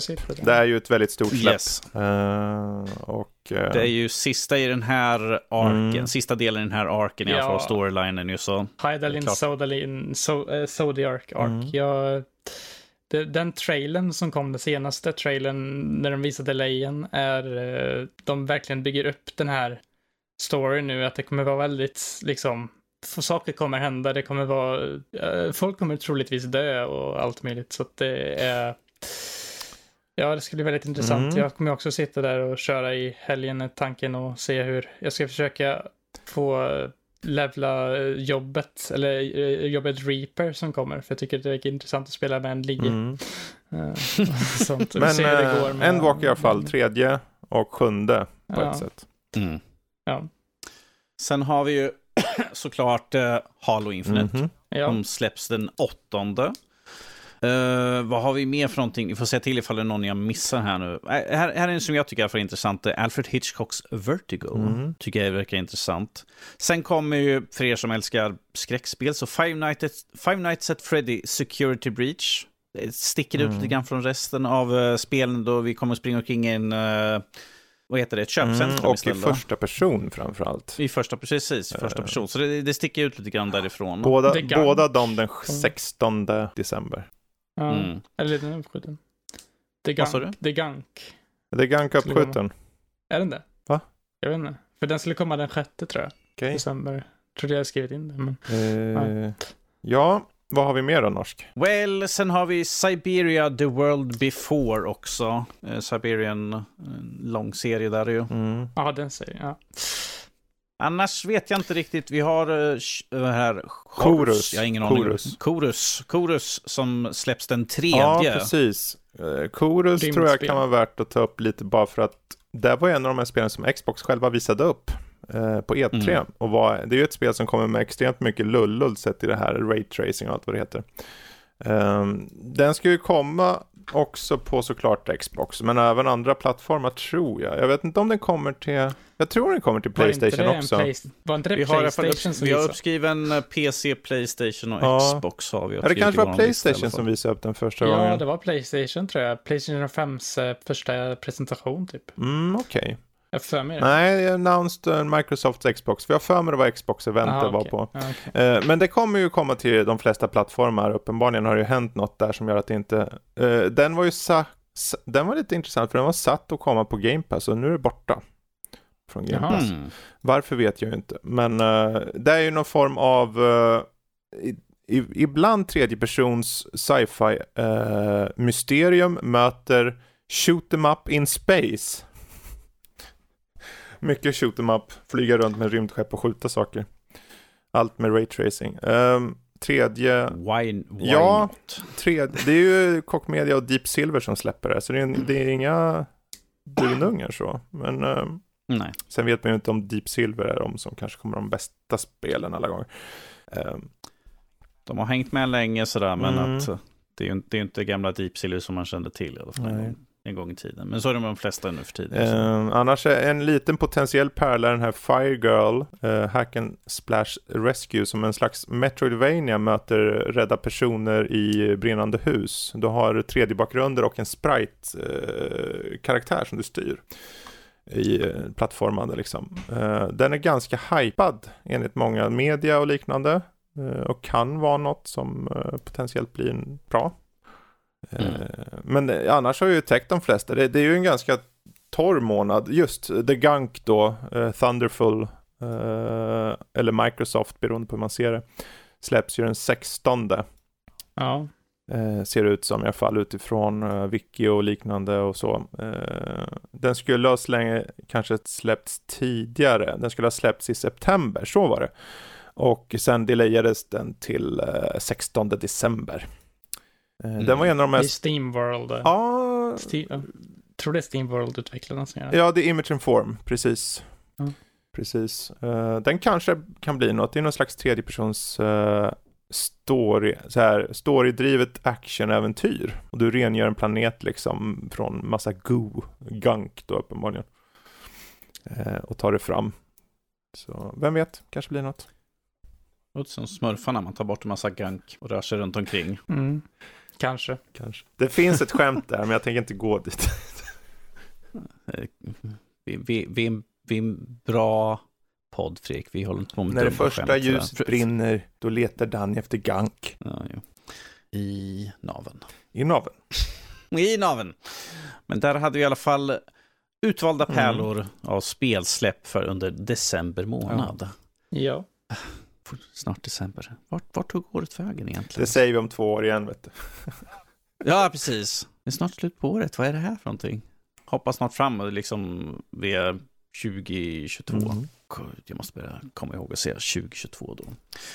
Oh dear, tufft att bli gammal. Med det sagt, sådär, nu, nu är jag lite nyfiken här nu för att uh, vet, både Jesper och Fredrik har spelat här. Vi kommer gå in lite grann på vad vi har spelat och sett här just nu. Så därför tänkte jag slänga ut Jesper med lite Pokémon Brilliant Diamond. Ja. Eh, Är det kul? Fångar du allt? Jag har inte kommit så jättelångt än eh, i det. Jag har typ bara kört två gym eller något än så länge. Men eh, jag tycker, jag har ju kört det tidigare för typ 15 år sedan eh, och det är ju eh, i princip exakt samma spel som då. Eh, du har exakt samma, det är vissa saker som heter Quality of Life Improvements som man ska säga. Quality Du of har- life. Ja, du har till exempel experience share som gör att hela ditt party får eh, XP när du strider, vilket gör att spelet blir ja, ja, lite för lätt kanske. Du Egentligen. menar att det här att ifall du har en Pokémon som du bär med dig aktivt och sen har du de som Ja. finns, som du har vid sidan av och samtidigt också får. ja, för i gamla stuket så behövde du ju eh, levela på en Pokémon i taget, typ grinda Mm. väldigt mycket. På ett sätt så underlättar det ju rätt mycket med att du behöver inte grinda så mycket och bara typ springa runt och döda monster, men ändå så blir striderna lite lätta om man säger så. Eh, du har även lagt till en ny funktion som heter The Grand Underground, där du kan eh, gräva upp eh, grottor under marken och skapa en egen secret base och typ Mm. dekorera den. Och här nere finns det Pokémon. I vanliga övervärlden så är det som vanligt där du springer runt i gräset och kan få random encounters och så. Traditionellt sett. Men nere i Grand Underground så är det, du ser monstren på kartan. Och eh, grejen där är att de har oftast lite högre level än, eh, i alla fall när man går dit först så är det liksom, de är mycket högre level än de är vanliga Pokémon nu, så det Mm. blir lite mer utmanande att gå ner dit och försöka grinda där istället kanske. Det är dit man vill grinda, Så så, det- man kan få de där XP'na och bara se sina Pokémons bara bli ultra evolutionerande. Mhm, precis. Eh, sen väl de även typ remasterat soundtracket lite grann, tror jag det är lite nytt eh, remaster på den. Och sen grafiken också, det är ju den här chibi-stilen. Mm. Alltså alla ser ut som små dockor liksom. Varför är de så små? Men alltså, det ser lite komiskt ut när man ser typ Cyrus, eh, Green Team Galactics ledare med ett litet chibi-huvud gå där och smida onda planer om Mm. att skapa om världen. Typ. Men, åh, du vill vara Eh. elak. Ja, eh, jag tycker att spelet, det är ju samma spel som 2006, och, eh, 2006 tror jag det var kom. Och jag tycker att det är ett riktigt bra spel. Det var för så typ, tror jag var mitt första tv, eller egna köpta spel någonsin. Eh, så på det sättet så är det väldigt mycket nostalgi för mig. Mm. Eh, anledningen till att jag inte har kört mer är faktiskt för att eh, jag väntar in en Switch OLED till nästa vecka. Jesper då. Eh, det var så nämligen när jag körde Shin Megami Tensei 5 så märkte jag ganska tidigt på mitt Switch att det kanske har tagit lite på åren nu. Det lät väldigt mycket i fläktarna när jag Mm. körde det. Fre- Fredrik, det- jag tror du har tagit lite grann på den, för han sitter ju och spelar spel dygnet runt den lilla pojken. Så det är klart Ja, han har det- slitit ut Du får snart köpa, Han du får snart köpa en ny Playstation han 5. sliter ut de där switcharna, vet du det. Ja. Eh, Jag har haft min sedan dag 1 2017. Eh, så att, eh, det, men jag känner Den, Det den, att den har fått då. arbeta hårt. det, det, det är inte bara det egentligen. Det är väl mer att även att jag tycker att eh, jag har börjat köra mer handhållet nu Mm. på senaste också. Eh, så jag skulle gärna vilja ha den liksom bättre skärmen. Eh, och sen att eh, även man har bättre utrymme, man har bättre batteritid också. För att den laddar ut väldigt fort Mm. tycker jag när man inte, eh, i alla fall 2017 som modellen, känner att det är värt. Och så ska jag även typ byta in min gamla så jag får ju lite nedsatt pris Mm. och sånt. Och så är det lite fysiska spel som jag ändå tänker, jag kommer inte ha nytta av den här så jag vill också byta in. Mm. Så, eh, så jag kommer nog köra det mer nästa vecka då när jag Jag har hört bara gott om skärmen faktiskt. Så det, jag alltså rent prestandamässigt är den ju likadan. Du får ju ingen nu mm, utveckling där direkt. Och batteriet, jag tror det kan vara till viss del att din är typ fyra år gammal, att det också inte kanske... För Ja. min är också lite så, men den funkar gan- den, Jag har inga problem med den, men jag, jag, jag kan definitivt förstå varför man skaffar den. För det, särskilt när man kör, för jag kör ju bara handhållet med switchen och jag, jag har också där, alltså det skulle kanske vara bra med den där OLED-versionen. Men ja, ja. För jag kör handhållet typ enbart när jag, när jag kör typ single player-spel och Mm. sånt. Men om man kör med familj eller typ vänner, typ Smash Mm. eller typ Mario Kart eller något sånt så spelar jag med på tvn då. Mm. Oftast. Eh, jag, jag, jag har sett väldigt mycket tech-videos om OLED också. Jag tycker att det verkar väldigt, väldigt nice att liksom ha den här skärmen. Det är det, du får ju en bättre eh, svärta och kontrast. Ja. Eh, Det svart är verkligen ultrasvart sådär. Och den, de, de, den kontrasten mellan de olika färgerna är där som jag tror du kommer få ut väldigt mycket av. Metro Dread är ju ett tydligt exempel tydligen enligt många. Mm. Det Jag, jag, tycker, jag tycker det är kul att Jesper har spelat så jävla hårt på den att den låter som en Playstation 4. Eh, Alltså jag kan skicka en, jag löpte på Twitter till och med hur mycket den Ja. lät en gång. Okej. Eh, Men eh, det var när Han skulle ha din decibel, decibelmätare, Ja, ja. Fredrik, egentligen. Det var lite intressant för när jag spelade det, jag, jag, jag körde mycket Shin Megami i dockat då. Och när jag körde det dockat så, för jag har bättre skärm på tvn nu för det spelet. Tyckte det såg lite så här, det såg bättre ut med en tv än det Mm. gjorde på handhållet just Shin Megami. Mm. Eh, tvärtom med Pokémon dock tycker jag. För det passar mycket bättre på handhållet. Eh, så när jag körde Shin Megami och körde i dockan så liksom, det började låta väldigt mycket där kände jag. Okej. Eh, I dockan. Och sen när jag lyfte upp konsolen så bara... Okej. Lät det verkligen. Så att, Men om, ja. vi ska, om vi ska gå tillbaka till Brilliant Diamond kanske sådär. Ja. Vi, vi kom in på en tangent med, med OLED här nu. Ja. Men Fredrik, du, du hade ju också kört ju sådär. Ja, ja precis. Jag har ju inte nå- jag har aldrig kört originalet. Eh, Jag har sett Nej. lite på det och så i research-syfte, men överlag så tänkte jag, men kanske bra att gå in blank liksom. Hur, hur, hur väl funkar det? Och det? Är, det är ett mysigt äventyr. Eh, Man vet ju exakt vad man får. Eh, Men att det fanns det, the, Un- the Grand Underground tyckte jag var en bra... Jag, tror, jag skulle nog säga att det här är nog en av de som jag föredrar mest. För jag har ju kört eh, ett gäng olika. Jag har ju recenserat par också, men att jag har haft möjlighet att köra ett par stycken de senaste åren. Eh, Jag tror den som stod ut för mig var den här Let's Go Eevee. Den tyckte jag var ganska kul. Ehm, Det är väl just att det är ju så, det är ju en rem, är det en remake eller remaster? Vad kallar man det här? Jag skulle nog ändå säga en remake. För det är en ny de- motor de ju i alla fall. Så uppen, Grejen är att de har ju gjort remakes på generation 2 och 3 innan också, Mm. det är generation 4 då. Och ettan också för den delen. Och alla de andra spelen de har gjort remakes på har varit mycket mer tydliga remakes. Mm. Med, det, står, eh, den, det står skriven som remake i alla För det är ju För det är uppenbarligen ju- måste det vara en ny motor liksom. För den, den, Ja, det är den ser ju ganska, den ser ut att vara gjord för switchen. Eh, min upplevelse av spelet i alla fall var att det, det är okej. Du vet ju att du springer runt och letar Pokémon så du har ett äventyr som i sig att du ska ta dig till de här olika gymmen och, och så. Men det, det finns ju ingen story i det för mig riktigt så. Det är ju inte som att jag sitter åh, vad händer nästa gång jag träffar på Norskis, a.k.a. min kompis den här Barry eller vad han hette. Eh, Just det. Din svurna fiende. och, och, och vad, hur är de olika gymtränarna? De är ju bara, alla är ju, det är ju lättsamt och, och småputtrigt och du manglar en miljard typ Pokémons. Ja, det är Pokémon på gott och ont. Så. Dock så, eh, även om kanske storyn inte den djupaste, så tycker jag att det är lite intressant nu att läsa den eftersom att det kommer nya Pokémon-spel om två månader. Pokémon Legends Arceus som utspelar sig på samma plats, typ flera hundra Mm. år tidigare. Som en slags Och prequel det där. verkar, i, i trailern så verkar det vara mycket liksom kopplingar mellan karaktärer i Brilliant Diamond, eller i Shi- generation 4 Mm. Diamond and Pearl-spelen och den här äh, nya. Så jag tycker det är intressant att liksom läsa om dem, läsa vad de säger här och så liksom. Mhm. Och kan typ liksom dra paralleller till Arceus och sånt. Förhoppningsvis jag i och med att det inte är ute än. Ja. Eh, men de, eh, de säger att det ska finnas, men du å andra sidan, eh, ett spel måste ju stå på egna ben. Det måste ju vara en story Ja. som du, som vem som helst sätter sig med Pokémon och aldrig kört ett Pokémon ska tycka, ja, men det här har en rolig story. Uh, jag, för mig så är styrkan i det här är just att, och det kanske låter märkligt, men det är att det är så lätt att jag tror vem som helst, och det här är ju varför det är bra för barn tror jag, att vem som helst som bara sätter sig, om de är tre år eller sju år eller 40 år, så är det bara att sätta sig och köra. Eh, du behöver inte tänka så mycket. Och är det så att du får lite mothugg, till exempel när du går i the, eh, the Grand Underground, då hoppar du upp till ytan väldigt lätt. Väldigt korta dialoger överlag och så. Så att det, det är ett bra spel för vem som helst att börja med tror jag. Och jag tror kanske är ett skäl till varför du börjar med originalet då runt 2006. Att det, det är liksom, vem som helst kan sätta sig med det. det. Det ger ju ingen så här att jag kommer sitta och tänka på det här i efterhand. Som att det var någon slags världsomvälvande grej för mig. Men eh, i serien av de spel som jag har kört så tror jag den står ut som en av de bättre. Jag håller med dig faktiskt ganska mycket där med att jag tycker att jag tycker mycket mer om eh, Pokémon Brilliant Diamond och Shining Pearl än jag tycker om Sword and Shield. Oh ja.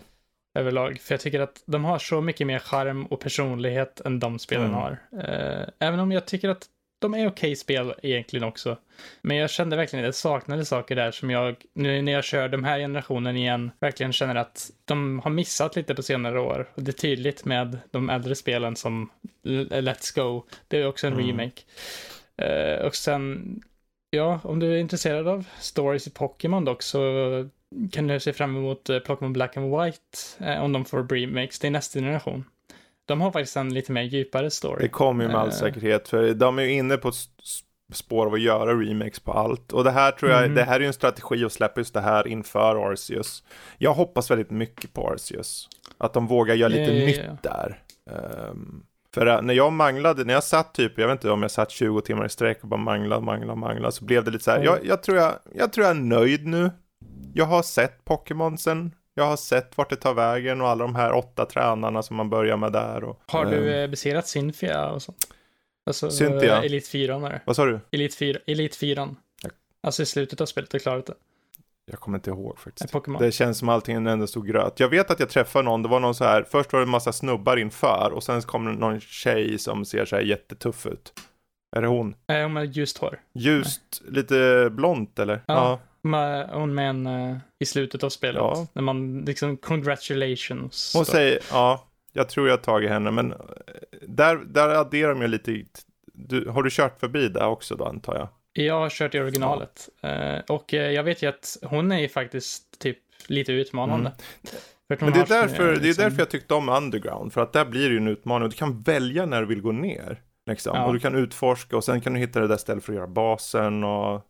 ehm, ja, Jag kan erkänna att i originalet så brydde jag mig verkligen ingenting om den där Grand Underground. Jag visste typ inte ens vad det var. Det fanns ju där Mm. också, men det var verkligen typ, jag vet inte ens vad det var i originalet. Det var verkligen inte alls samma sak som det är nu i alla fall. precis. Så att eh, det tycker jag att det är bra. Och sen har de även ändrat eh, en annan grej som jag tyckte att Egentligen tycker jag kanske de gjorde det bättre i originalet och det är eh, Super Contests. De Jaha, det. Typ, jag tycker de är så bare bones i det här spelet. Du klickar på en knapp i rytm. Förut var det liksom du... Du kan ju välja stil Typ tre- på dina, liksom, din Pokémon, att den är cool eller att den är bla bla Jo, bla. Och sen, det- och sen hoppar du det in i det göra. där och bara trycker på en knapp för rytmbaserat läge. Ja, men eh, i grejen är att i originalet så fanns det typ tre, fyra olika minigames Mhm. när du gick in där. Eh, som var lite mer interaktiva och ja, det var lite mer, lite mer suspens. Kommer du vinna, kommer du vinna? Här är typ Mm. det också, men det blir liksom två sekunder klicka på knappar i rytm i typ excellent och grejer. Det blir lite, jag har bara typ kommit, det är typ dit jag har Ja, kommit. jag orkade till, inte eh, bry mig om det där ärligt talat. Jag, jag testade Jag på testade det en ett par gång. gånger och sen tänkte jag okej, nu vet jag hur det är. Och det kommer allt säkert utvecklas lite längre fram. Men överlag så är det så här ett tråkigt minispel bara, känner jag. Det, det är ingenting som tillför Nej, det egentligen inte. Men det, det är lite för att, lite, det är för att ge spe- flavor för de som vill ha det. Och det, det är fine. Liksom. Men, men, Pokémon Brilliant Diamond, helt okej. Ja. Helt okej. Jesper han kommer spela skit. Ja, det är klart han ska tycker jag. Han kommer catch them all. Uh, får se. Eh, jag. Det beror, beror på ifall du har tid över sådär eller vadå. Jag gjorde det, jag gjort ett Pokémon-spel, ja, när jag var väldigt, li- typ när jag, det som kom efter Soul Silver och Heart Gold. För eh, där är ju exakt lika många Pokémon också. Eh, Men då la jag nog över 200 timmar på det eller någonting. Men ja, Ja, där ser man i alla fall så här. Men om vi, jag tänker medan jag ändå har er båda två pratande samtidigt här nu så tänkte jag att vi kan ju faktiskt ta prata lite grann om Ghostbusters Afterlife som ni båda har sett här nu. mm. Premiss, tankar, tycke, go!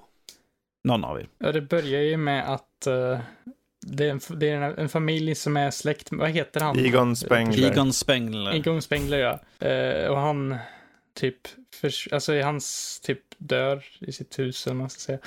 Han... Eh, nu spoilar du för Danny ja. där. Såg du hur han himlar med ja, ögonen? men det hände någonting. Harold, Rami, Harold Ramis är ju död sedan länge så att det är svårt att få med honom i filmen på det sättet. Ja, så. ja men det hände någonting med hans hus där och eh, det, hus, hus på, ute på vischan och eh, hans, eh, vad är det, dot, brors... Hans dotter och, hans och barnbarn. barnbarn. Uh. Hans dotter och barnbarn flyttar ut till mm. det huset och det händer lite uh, så här ghost, uh, lite spökliga grejer mm. i det mm. huset och så. Och jag kan väl inte, inte säga så mycket mer om vad som egentligen händer, men att det... Om vi säger så här, det, det du har sagt just nu har ju synts ja, i trailern. Så allt, ja. allt, det här är ju inga spoiler överhuvudtaget, det här är bara premissen, liksom, vad vi har sett ja, i trailern. En sak att förvänta sig dock, utan att spoila någonting, är att det kanske, ifall du har sett det är ganska viktigt att ha sett första filmen innan man ser den här, för det finns väldigt mycket kopplingar mm. dit.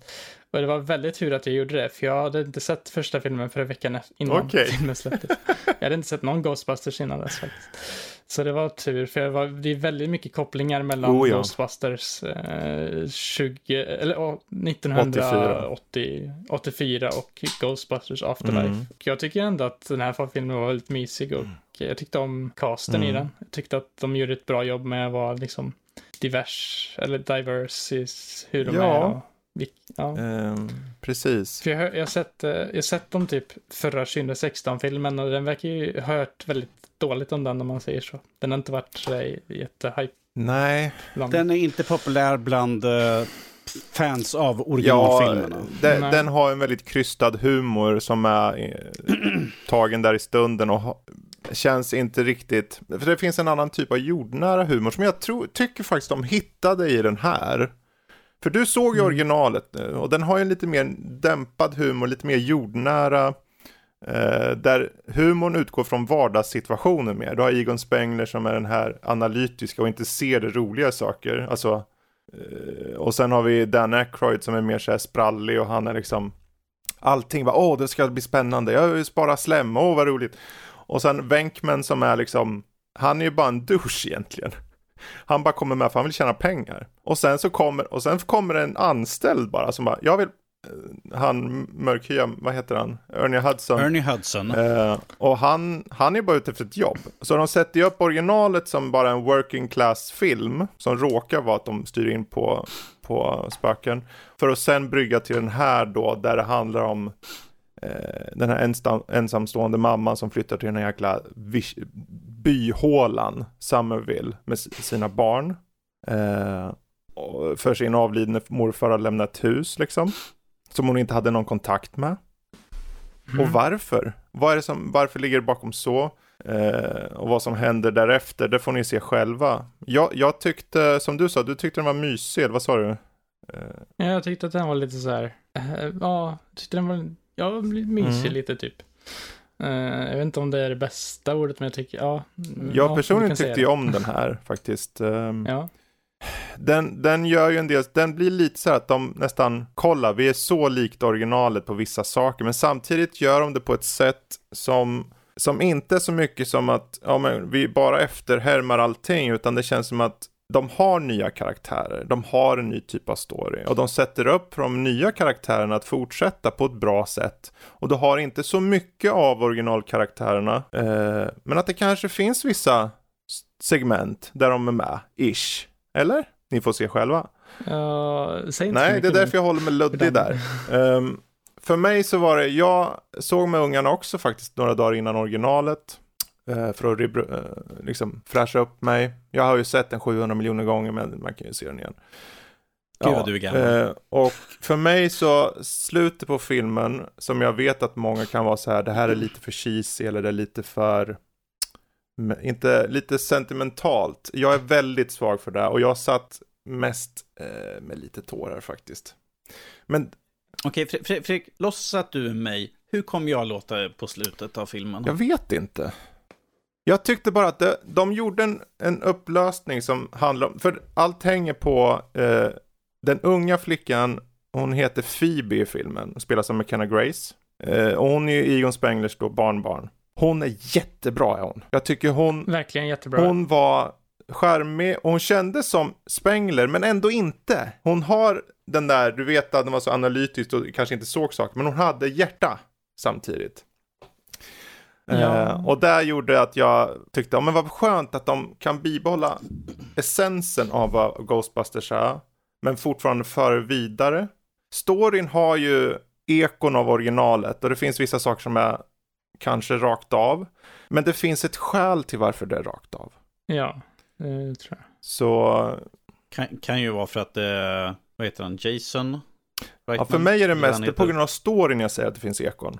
Eh, Mm. Men Ja. eh, Jag tänkte mest för att eh, vi har ju Ivan och Jason. Reitman, ja, som eh, gjo- gjorde filmen. Far, far, och, far och son där.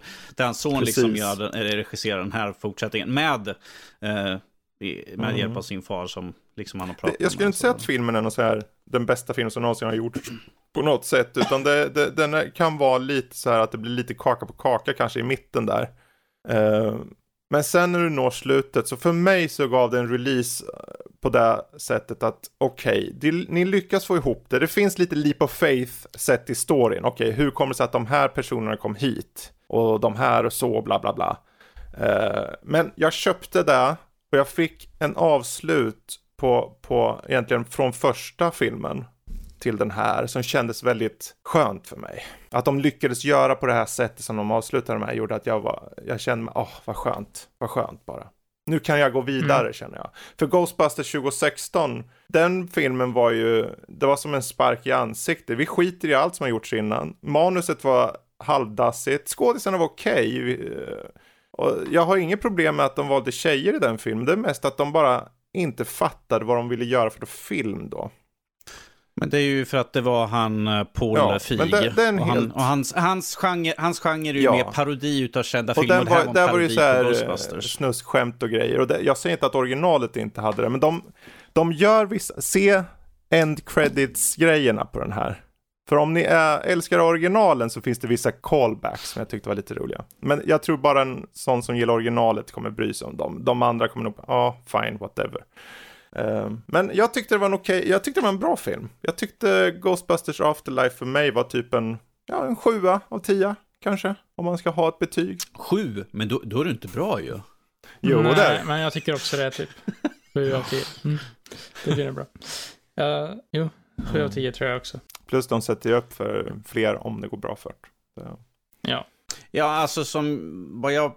Jag har ju bara sett trailer, men det känns som att det här är liksom en film. Vi har ju väntat väldigt länge på en tredje film ju. En Mm. riktig tredje film i uh, huvud... Ja. serien så att säga. Och, och det här känns ju med liksom eh, barnbarnet, hennes Mm. kompisar och allt sånt där som att det liksom en, vi lämnar över batongen till nästa Hon generation har- sådär. Vilket, Förlåt, hon, Ja. Phoebe, den här lilla flickan, har ju en kompis som hon träffar på i stan. För hon är lite outcast, hon är så här, hon vet ju inte hur hon ska vara med folk. Men hon träffar en kid som heter Som- Podcast. Ja, just det. Ja. Och den, den ungen går runt och intervjuar hela tiden allting. För han är ju så här, han har, och han har så här övernaturlig eh, podcast, han gillar ju sånt för att det är ju mycket så här, det är konstiga shi- shivers i så här jordbävningar och grejer. Men det är ju märkligt. Han bara, där är spöket. är det han från Stranger Nej, Things? det, det, är hans, Nej. det är hennes Okej. storebror. ja, det är okej, storebror, ja. Så när den här lilla eh, killen som spelar podcast, Okej. Jag tyckte att han var jättemysig. han var mysig. Han var mysig. Eh, Den, den har karaktären, den har värmen i karaktären. Det är inte den mest, eh, vad heter det, originella berättelsen så. Men den har värmen i karaktären och det, det är det originalet hade också. Så, ja, Ja. Mm. good stuff. Precis. Som jag tänkte säga, att det, det känns lite grann som att, precis som du säger, att de lä- lägger upp som för Mm. mer saker. Och det är så det känns lite grann Taylor, liksom med, med yngre eh, aktörer som är med i filmen som man kan fortsätta med. Eh, vi har ju liksom nya familjen, vi har ju Paul Rudd och allt sånt där Just som det. är ett stort namn också som kan vara med liksom och fortsätta i Mm, serien så att säga. mm. Det är i alla fall så som jag sett utifrån trailer. Jag tänker liksom, här kan vi fortsätta, här kan Mm. vi fortsätta, här kan vi bygga någonting på och sådär. Eftersom, eh, som sagt, Harold Ram- Ramis är ju död liksom och ingen av de andra tre, Ernie Hudson eller, eller Bill Murray eller något sånt där, de är, de är gamla, de de, som sagt, de, en del av dem har ju kämpat väldigt länge med att få den här filmen. En del har inte brytt sig för fem öre. Så att jag tror att det här är sista hurra vi ser med alla de samlade i en film Mm. så att säga. Ja. Åh, vad jag vill... Gör man vill spekulation Ja, det är en spekulation där från din sida. Men det ska bli intressant den dagen du har sett den här och sett den till slutet. Jag är väldigt nyfiken på vad du tycker då. Men det tar vi då. Nu går vi vidare. Precis, det tar vi då. Uh, jag tänkte vi skulle ta och prata lite spel sådär. Jag tänkte, jag, jag kommer ge en liten, en, en kort, uh, säg första intryck, jag ska skriva recensionen. När ni lyssnar på det här, ifall ni lyssnar direkt när den här delen släpps, så sitter jag nog och skriver den här recensionen. Men på Bright Memory Infinite, Infinite uh, som är egentligen ett, det är ett indiespel.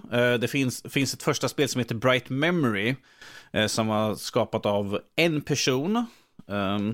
Och det här är egentligen tekniskt sett första spelet plus episod 2. För den äh, första var, sen, det var känd som episod 1 och var på typ 40 minuter okay. lång. Det här spelet, är ifall du, det här spelet, ifall du springer igenom det så är det två, två, två timmar.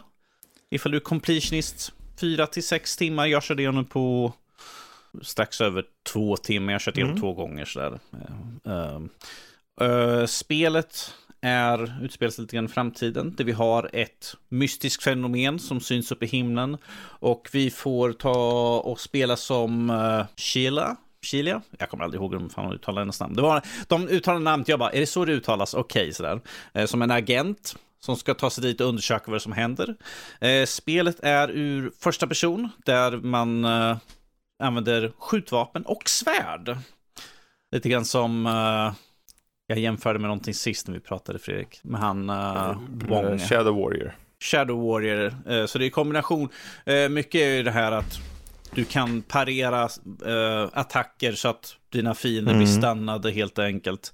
Och sen kan du liksom använda uh, du har som sagt, du använder ditt svärd, du kan skicka, ifall du uppgraderar det så kan du skicka iväg som en liten uh, ljusstöt okay. eller något sånt där som skadar fiender.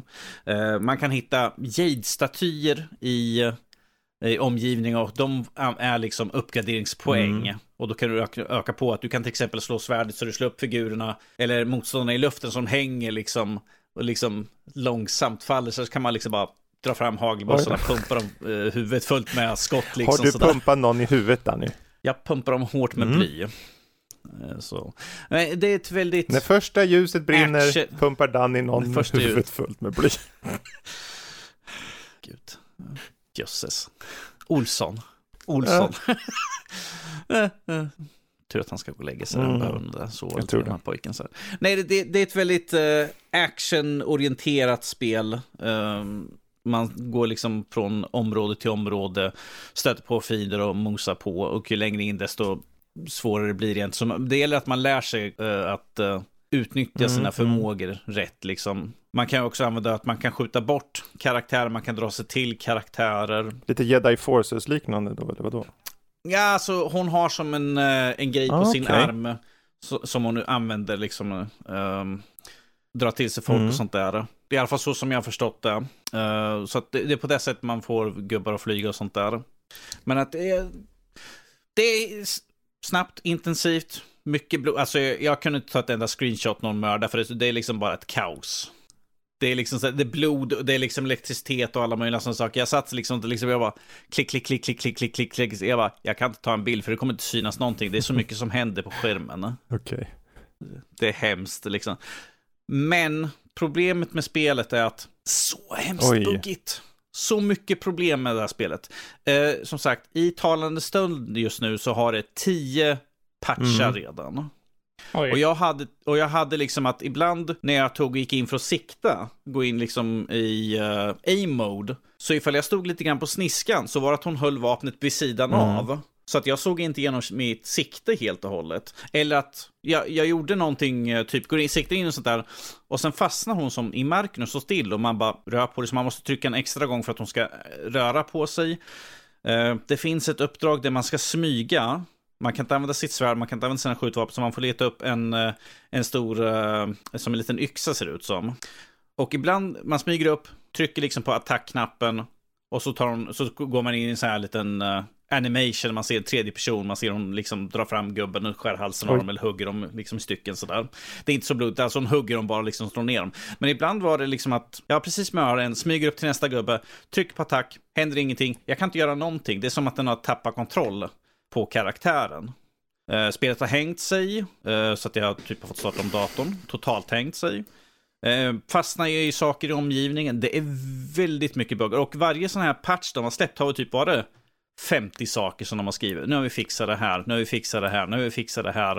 Och jag bara, det kommer att dröja väldigt bra tag innan det här är liksom smooth.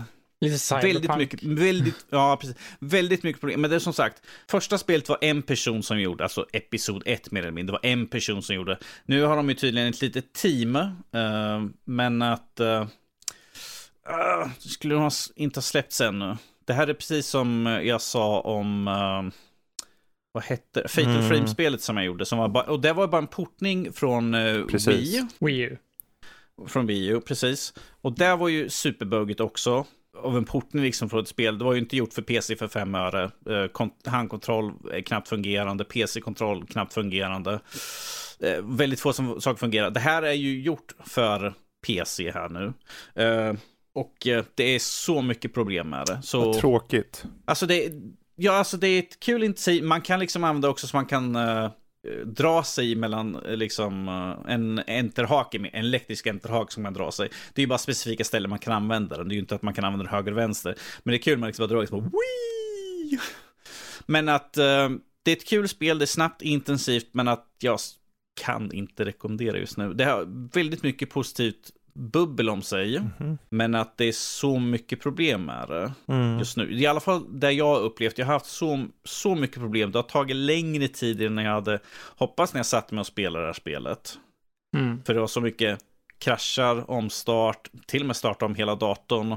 För att den total hängde sig med det här spelet.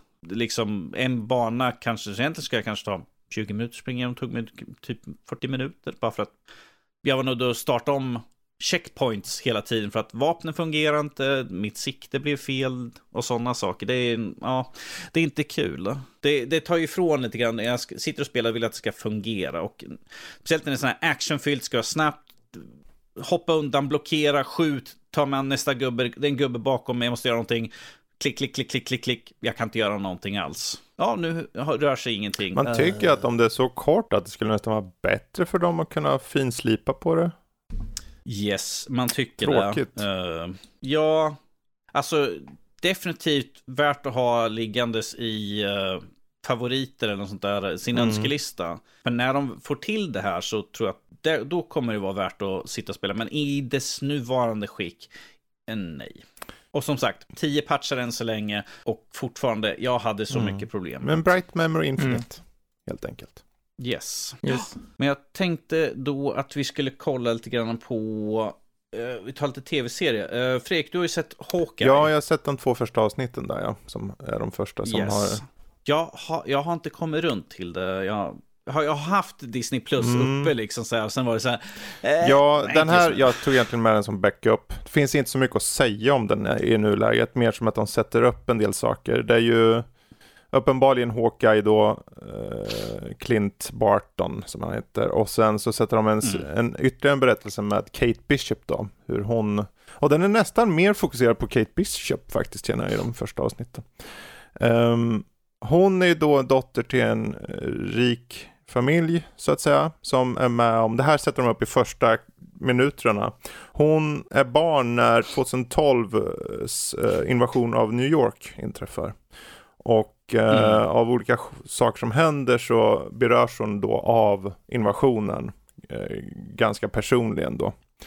Eh, och i invasionen när den sker så ser hon då på ett hustag lång, långt bort så ser hon Hawkeye eh, som vi såg i 2012 års eh, Avengers-film slåss mot Chitori eller Chitori eller hur man säger det där namnet. Eh, och det sätter upp henne att hon vill lära sig att skjuta med pilbåge och, och så. Eh, jag tyckte de funkar ganska bra, sätter upp henne där. Eh, det finns ju mer till henne än det. Det är inte bara så endimensionellt. Eh, I alla fall, men samtidigt då när vi kommer till nutid så är det då Clint Barton i New York. Han ska bara fixa några grejer för av något, någon anledning så är det så har en kostym eller en outfit visats på stan i form av någon filur som har gjort någonting. Och den outfiten är Ronin-outfiten. Samma outfit som han hade i slutet på Endgame, tror jag det var. När det har gått många år och han har gått runt och typ haft ihjäl yeah. halva New Yorks underground, eller hela världens typ bad guys. det han, det han gjorde för att liksom ha Precis, någon så nu när någon har på sig den här kostymen så säger de att ja nu är Ronin tillbaka, men han bara, men jag, det är ju inte jag. Så han försöker leta upp den och uppenbarligen så råkar det vara hon då som har kommit över den av olika skäl. Eh, de träffar samman, men det är ju inte så enkelt som att det bara tar den där och sen blir allting fine and dandy. Eh, utan eh, nu så blir det lite att han ska försöka att lösa vissa saker ett par dagar innan jul för han låna, lo, lovat familjen att han ska ta sig hem till julafton. Kommer han lyckas? Det känns väldigt förebådande när han sa I'll be home, I promise. Um, ja, faktiskt. Det kommer han. Um, men hittills de två avsnitten sätter upp mycket. Det, jag skulle säga att första avsnittet med just det här introt är, är bra gjort och så. Men överlag är det ganska småputtrande serie hittills. Än en gång bara två avsnitt. Um, mm. det, jag tror det ska vara sex avsnitt totalt på det här. Uh, men uh, Hailey Steinfeld som spelar Kate Bishop, hon är bra. Jeremy Renner tycker jag var bra i den här. Och sen kommer det komma in uh, Jelena Belova, hon som är systern till Black Widow. Uh, mamman till uh, Hailey Stein, alltså Kate Bishop, spelas av Vera Fermiga, hon som var med i Conjuring-filmerna bland annat och så. Så hon, det är bra skådisar här. Uh, och sen har hon en hund som käkar pizza också, då är det aldrig fel. Uh, bland annat. Den baserar sig mycket på en, en specifik comic-serie då som gick, faktiskt kom den ut 2012, den hette ju också Hawkeye, men det var någon specifik artist eller konst, eller vad heter det, tecknare som gjorde den. Eh, som de tar, utgår ifrån för att skapa den här. Eh, så om ni mot förmodan har sett den då som hette antagligen Hawkeye då från 2012 så kanske ni kommer känna igen mm. er mycket. Eh, vi får se vad det tar vägen. Det är lovande hittills. Och det är väl det. Sweet. Ja, där ser man. Um, jag är lite nyfiken. Jag har ju tänkt att se den här själv. Men Jesper. Ja. Arcane. Yes. Är det värt att se den ifall man inte är så inne i spelet? Ja, eh, det skulle jag nog faktiskt säga. Eh, Kanske ska berätta, berätta vad Arcane är för någonting. Arcane är ju en uh, tv-serie som baserar sig på det väldigt, väldigt kända populära Moba-spelet League of Legends. Och det handlar om vissa karaktärer från, den här, från det här spelet. Det är väldigt många karaktärer och Riot verkar verkligen gå in på att utöka sitt universum med eh, mycket olika typ spel och serier. De har ju Ruin King, ett RPG de precis släppte, så typ JRPG. Så jag är lite nyfiken på att kanske testa någon gång. Och så typ lite annat som andra spel. Eh, som, och saker som ska bara liksom bygga på det här eh, universumet Runeterra som det kallas för. Eh, och eh, i den här serien så ligger fokuset på eh, två systrar, eh, Vi och Jinx, eller eh, Powder som hon kallar henne i, eh, när de är barn. Eh, de bor i, de bor i ett område som heter Piltover. Jag tror att det är Piltover de bor. Det finns Piltover och San. Nämligen Piltover är typ teknologi framgångsdelen och San är underjordiska liksom ja, underjordiska typ så här. Där är det gone bad lite för folk och sånt. Eh, och eh, det börjar med att Jinx och eh, Vi liksom, de håller sig tajta, de, har, de är väl orphans, de har inga föräldrar och de lever för sig själva. Men sen eh, Jinx eh, hamnar lite i klistret och lite utanförskap och lite sånt. Och, eh, eller ja, Powder som heter från början och sen blir hon fast i, eh, sen så blir hon konverterad till att bli åt en man i San då. Eh, och Vi, och Jinx blir typ fiender. Eh, och Jinx blir då, Jinx blir döpt till det av honom. Eh, och det är väl det som själva grundpremissen är och sen har man lite andra karaktärer från League of Legends-universumet som gör appearances och grejer. men huvudfokus ligger på då Jinx och Vi. Och det som jag tycker är mest imponerande med den här serien överlag är väl animationerna egentligen. Det ser väldigt snyggt ut att kolla på. Och eh, jag tycker att de har, alltså det ser väldigt likt ut i, som i spelen, fast de har liksom, eller spelet, fast de har adapterat det för uh, just uh, det här. Jag spelade faktiskt League of Legends för typ, vad blir det nu, sju, åtta år sedan nästan eller någonting. Och då spelade jag faktiskt Jinx som typ min karaktär. Så det passar ganska bra, för jag känner till henne lite grann. Och hon är ju lite mer där, typ, eh, ja, en liten jinxare, om man säger så. Lite så. Jag tycker att man bygger upp dynamiken ändå, liksom den här syskon, typ kärleken som ändå finns mellan dem när de liksom fightas mot varandra och är emot varandra. Och jag har inte sett klart den, jag har sett fem eller sex avsnitt av nio tror jag. Jag har sett sex av nio tror jag. Vi får se hur det går vidare i slutet, men uh, ja, det är väldigt, jag tycker den gör sig, det är en bra serie helt enkelt. Och den finns på Netflix då och jag uh, tror den är typ nästan största i Sverige nästan nu. Uh, bland de största i alla fall. De, har, de greenlight ju säsong två ju. Mm. innan, innan den här säsongen släpptes har jag för mig. Ja. Så Riot de har ju väldigt mycket de liksom, har... vi, gör, vi, vi, gör, en serie för att locka in folk till våra spel. För att folk ska liksom... Det är lättare att kom, ta sig in i någonting för att man vet vad det är för något. Istället för liksom, jag, jag, jag vet inte vad det här spelet är för något. Men ifall man liksom känner till karaktär, liksom, ah, men jag vet den här karaktären, ja men då kan jag spela som den för jag känner till i alla fall. För grejen är ju att League of Legends, när de har skaffat nya karaktärer och sånt, har de byggt upp liksom en stor, stor lore-page till varenda karaktär med jättemycket lore och sånt som de verkligen, som egentligen inte har gått använt till någonting innan. Mm. Så de verkligen, de har ju sett det nu liksom till ett tillfälle att verkligen expandera universumet, bygga ett serie, serier, RPG, serier och allt möjligt sånt där. Säkert filmer, de ska göra ett fightingspel till och med av League of Legends så småningom här. Så det blir liksom, League of Legends blir alltså det är ju, det är ju en av världens största spel, så det är inte så konstigt att det blir så här. Eh, att de gör så här många olika grejer, men att de gör någonting som faktiskt har kvalitet, det är ju en annan grej. För det kan ju bli liksom när de går från att Moba-spel, ett spel som är liksom tävlings multiplayer-spel till sån här så behöver man ha den här loren som är intressant och jag tycker att de har ja, karaktärerna känns bra och så. Så ja, om du är något, någonting något intresserad av att se någon lite snyggt animerad serie med intressanta karaktärer, även om du inte gillar, även om du kanske inte ens, knappt ens vet vad League of Legends är, för du behöver egentligen inte veta det, för de introducerar karaktärerna väldigt bra tycker jag. Så, ja. League, League of Legends, går det att äta? Mm, nej. nej. Nej, jag, jag, jag, såg att den fanns, tänkt, jag hade tänkt se den, för jag tänkte liksom, jag bara, det är spelrelaterat, mm. det går säkert att prata om på något sätt sådär. Du bör ju se Hawkeye, mm. det är ju jultema deluxe i den. Ja, jag har inte, jag har inte blivit av bara sådär. Jag tror jag den är nysläppt typ. Jag har inte förväntat mig att du hinner se den. Du hinner nog se den, ska vi se. Vet hur seg jag är på att se eller göra någonting just nu överhuvudtaget. Liksom. Det är segt, segt, segt. Sådär. Men inte lika segt som uh, Lego Builders Journey. Om det... Där man bara sakta men säkert, kloss ja. för kloss, bygger, bygger, Om ändå. Bygger. Om ändå. Det är ju ett äventyr det här litet äventyrsspel. Det här, jag, jag köpte det mer på, on a whim så faktiskt. Det är typ två timmar långt bara. Eh, och mm. det är små, du, du, styr en, en liten klossgubbe kan man säga. Som eh, följer efter sin parental figure liknande klossfigur. Och de okay. hajkar i olika landskap och för varje landskap du kommer till är ett diorama. Och du ska sätta ut eh, vägen som du behöver eh, få gjord så att säga. Så att du, din lilla figur kan ta sig till föräldern så att säga.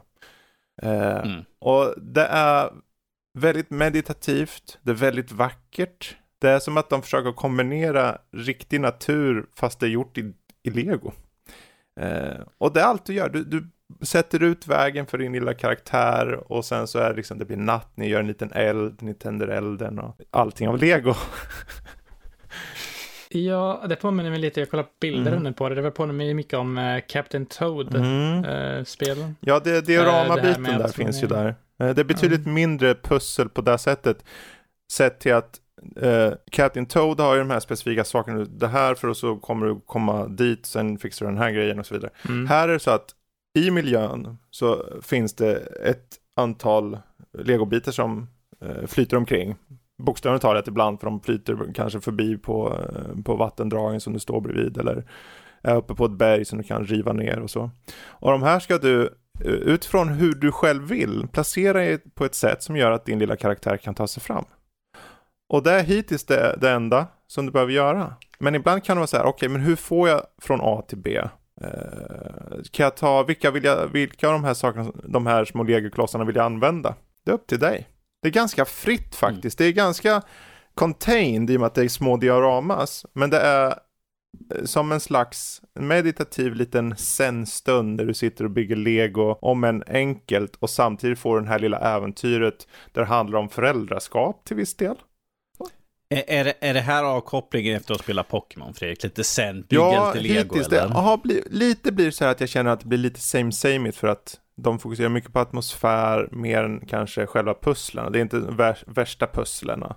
Men det är njutbart och det är ju två timmar långt. Mm. Och, och så, så det, och det kostar en hundring bara. Liksom. Eh, jag, jag, jag kan tycka att det här, och det här kom ut i somras, så det är ju ett nytt spel för i år.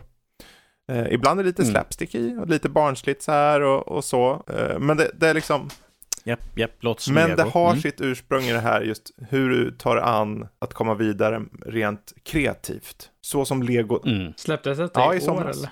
Uh, I alla fall till de normala plattformarna. Jag vet att det ska ha kommit på Apple Arcade, men jag vet inte när den kom. Så det kan vara att den kom tidigare.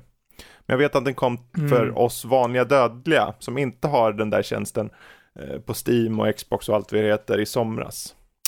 Men jag, jag kan bara säga att gillar ni Lego och vill ha någon form av lite mer eh, insiktsfull, känslos, inte känslosam så, men lite mer känsla i berättelsen och att få något vackert. Då ska ni kolla in Lego Builders Journey. Sitter ni på PC dessutom, då kan ni maxa upp skiten på, i och med att den har full raytracing. Och då menar jag full, för oftast är det inte att de har all, all form av raytracing, men här är en global illumination.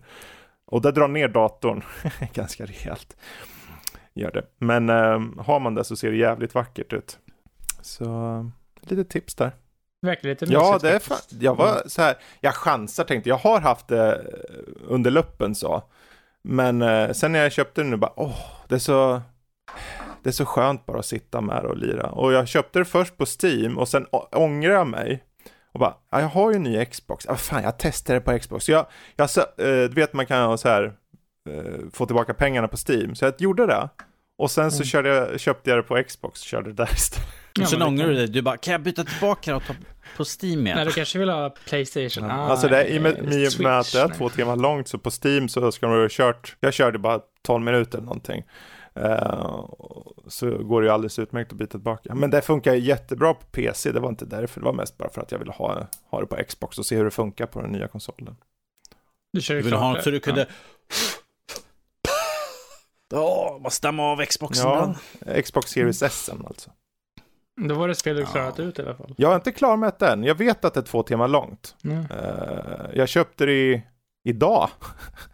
Aha. Okej. Men jag, jag har kört typ en timma och det är ju halva spelet för jag kollar hur långt det är. Så om det är completion it så är det två timmar. Du kan få det kortare också klart. Det är 35 nivåer bara i spelet. Eh, jag tror jag har gjort ungefär halva. Men eh, ja, Där ser man. Även Olsson kan bygga en Mm. värld, tror vi. Ehm, jag funderar för jag ska egentligen vänta med den här Cowboy Bebop tills när jag faktiskt har sett den nya live-serien. Ja. Då kanske vi Eh. alla har sett eh, det nya helt. Mm. Precis. Ehm, jag tänker det blir bättre ifall man tar jämförelse då emellan. Istället för att ha den här delen med animen och sen liksom nästa vecka det kommer det vara liksom lite spritt isär. Men istället, istället för det så tänkte jag liksom att, ja, bara ren nyfikenhet, du kan ju ta lite kort Fredrik, så, eh, Wheel of Time Ja, det. Hur, hur har det hållit sig eh, i Mm. pacing, storyline, sen Det- de första du Jag såg? skrev med det här egentligen, för det är ju bara ett avsnitt som har släppts, det fjärde avsnittet. De börjar släppa tre avsnitt på Mm. en gång som finns ute sedan förra veckan och nu kom fjärde. Ehm, de hoppar ju över mycket, eller inte hoppar över, men de, de ändrar om ordningen på vissa saker. Och eh, det här fjärde avsnittet på många sätt vi satte den hela serien. Den är jättebra det här avsnittet. Eh, de presenterar en karaktär som är då i världen sett som The Dragon Reborn, alltså mannen som kommer förstöra världen. Om ni vill ha mer info, här, lyssna på förra veckans avsnitt. Eh, jag kommer bara hoppa in på det här avsnittet så jag håller det kort. Eh, de sätter upp vad våra kära häxor, så kallade eh, AS Sedaier, faktiskt måste göra för att bibehålla kontrollen över den här falska draken som heter Logain. Är han falsk? Är han inte falsk? Det återstår att se. Men eh, det tillsammans med vad som händer de övriga karaktärerna, för det finns fem stycken karaktärer alltså. Någon av dem är draken återfödd, säger eh, Moraine, spelad av eh, Rosamund Pike. Stämmer det, stämmer inte? Är det den här Logan som är den riktiga draken? Det vill säga mannen som kommer förstöra världen i en värld där smittan för den manliga sidan är, eller vad säger jag, den manliga sidans magi är smittad. Så att ha, använder du magin som man, då kommer du bli galen och du måste stillas. Du måste tas koll på av uh, de här Aes Sedai'erna, häxorna. Ja, oh, darn, jag börjar inte ens använda ja. magi för att bli tokig. Nej, jag tyckte det här, på många sätt vi satte det här avsnittet lite så här, okej, okay, nu vet jag att de har någonting som faktiskt kan bli riktigt bra. Det är ju svårt att säga om det kommer fortsätta på samma nivå som avsnitt 4. Men uh, med tanke på att mm. de redan som sagt har greenlightat säsong 3 så hoppas jag och tror att de vet det själva. Om det inte är någon marketing stunt. Och det är väl egentligen allt jag behöver säga. Jag behöver inte gå in på premisser. Det är bättre att ni bara tittar och får en bästa, e, e, e, en egen koll på det. Uh, det är ju typ 45 50 minuters avsnitt det här, så det blir ju en del att se såklart, men uh, även som Prime faktiskt. Bara titta. Ganska blodigt också, det är ju det. Blodigt mm. uh, på det sättet att det sätter en kontrast mot det som de sätter upp först. Som att man, aha, det är en ungdomsserie. Sen träffar skiten fläkten kan jag säga. Ja. Det får räcka. Nästa sak. Det får räcka, yes. Jag tänkte som sista sak här nu för den här veckans avsnitt tänkte jag bara höra lite grann med Jesper här. Du har spelat The Legend of Heroes Trails in the Sky som är ett lite äldre spel. Ja, jag spelade det lite igår, typ. Jag hade spelat det för typ ett år sedan. Eh, sen så tog jag tillbaka, eller sen så eh, laddade jag ner det igen. Eh, och så körde jag lite grann. Eh, och det är ju då första delen i eh, eh en stor, stor eh, liksom eh, Legend of Heroes-serien där det är många olika delar. Det finns Trails in the Sky-trilogin. Det är tre spel och sen finns det Crossbell-trilogin tror jag de heter. Det är två spel. De har inte kommit till västen. De kommer första nästa år. Trails from Zero tror jag det heter. Och sen så finns det då Trails of Cold Steel som är lite längre, typ fyra spel. Och sen kommer det något nytt, Trails into Reverie, som kommer 2023 hit. Eh, och Trails in the Skies premiss är väl att du eh, spelar som ett syskonpar, en, eh, och en in, inadopterad pojke och en tjej som heter Estelle som letar efter sin far som har försvunnit Eh, och de blir eh, med i en så kallad Bracers Guild. Eh, vilket innebär att de tar typ uppdrag lite som typ Witchers kan man väl tänka lite grann. Så här, de tar uppdrag och gör olika saker åt den här Bracers Guild och, eh, och letar efter sin far samtidigt. Eh, men eh, ja, det är ett inte jättetrad det är inte helt traditionellt typ turbaserat JRPG som man kanske kan tänka, utan det är det har lite specifik mekanik i att det är lite så här grid-based, typ tactics-spel i bland, blandat med det. Att du går runt på en grid liksom och du kan röra runt karaktärerna där. Och så kan du använda turns eh, som ett vanligt RPG samtidigt. Så det är lite blandning mellan så här, typ tactics och eh, turbaserat RPG, vilket jag tycker är lite intressant. Eh, för det är ett spel som är lite äldre ändå, det är väl typ tio år gammalt någonting nu. Uh, Trails, uh, Trails in the Sky kom 2004 släpptes det första Aha, gången. okej. Okay. Det var ännu längre sen. Men uh, ja, det är ju ett PSP-spel tror jag som släpptes nu igen på PS, eller på PC då, är ju det här. De har inte porträttat till något annat heller. Så ja, det är väl det om det. Jag har kommit till, jag startade ju om, eller jag startade inte om, jag har kommit tillbaka igen. Uh, på samma sparfil gjorde jag och jag är typ näst sista kapitlet i spelet eller någonting. Och eh, jag förvånar mig hur mycket jag kommer ihåg från den då, när jag bara startade upp och körde lite. Eh, men jag kom till någon stor boss som blockerade min väg som bara... Jag måste nog grinda för att besegra den, så jag har inte orkat besegra den igen. Men ja, Uh, jag tyckte det var intressant att kolla på den här serien som att den har, den är ganska så här, det är många som säger att den är en så här hidden gem-serie i JRPG-genren många som går under radarn som att det kan liksom, för många som har, de som har spelat den tycker att hyllar den som typ bästa serien någonsin, men de som inte har spelat den har inte spelat den liksom. Det är lite, lite så det är. Det är samma sak med Is-serien. Jag testade ju Is 9 i recenserade det i våras. Jag tyckte att det ändå var, det hade någonting och det, om man kollar förbi den här kanske lite mera budgetiga grafiken som det har så fanns det väl ett, ett riktigt bra spel där. Uh, och det är samma som har gjort då i serien som har gjort Trails-serien. Ja, det var väl det. Mm. Tycker, tycker det är intressant liksom att du tar och plockar upp det ett äldre spel. Så, och speciellt inte, och speciellt ett spel i en sån, i sån kort serie så att säga. Det är, vad är det, 10 plus spel och vad fan det är för någonting. Kanske till uppåt 15 spel mm. i Trails-serien. Får bli Någon, livstidsprojekt att spela dem eller någonting. ja, jo, precis. Förutsatt att du kan få tag på dem. de flesta spelen sådär. Jo, men uh, de som är viktiga att spela finns ju alla ganska tillgängliga. Uh, Trails in this Trails of Cold Steel finns ju på typ alla plattformar. Uh, Trails uh, Crossbell-trilogin kommer ju till alla plattformar nästa år. Mm. Sen Into Reverie senare. Och sen så kommer det en till Eh, som egentligen kanske det som jag är mest nyfiken på, det är ett spel som släpptes i Japan i år som inte har fått något riktigt engelskt namn, det heter Kurono Kiseki. Och det är, eh, det är intressant med det är att de har både att man kan välja om du vill ha actionbaserade strider eller om du vill ha turn-based strider. Jag tycker det är lite mm. intressant, för du kan typ välja mellan dem när du går runt och strider. Det är eh, intressant i alla fall att man kan göra det. Alltså. Ja, plus att de har lagt lite mer fokus på att öka budgeten en liten aning tror jag. De tror de har en ny motor och lite grejer. Så, ja. Det är väl det. Om... Det är väl det. Uh, jag, jag, hade helt glömt bort en sak så som mm, måste pratas om. Uh, du har ju sett Encanto. Just det, ja. Den, Hur man nu än vill uttala det. Jag tar bara som det står Encanto. Det kan vara Encanto. Encanto. Arriba. Encanto, arriba. Det är ett spanskt Jag har ingen ord, aning. Att, ja. Uh, ja. ja. och där, då kommer det låta hur som helst, som sagt, när jag uttalar det. Så. Uh, vad, vad är det? Vad handlar den om? Och vad tycker du? Det är uh, Disneys nya musikalfilm, om man ska säga. Alltså sådana här typ, typiska liksom, Disney-musikal liknande. Uh, premissen är att det är en familj som får en gåva. Att eh, liksom, de får ett stort hus i en, eh, det blir, som blir omringat i ett område som kallas för en, en kanto.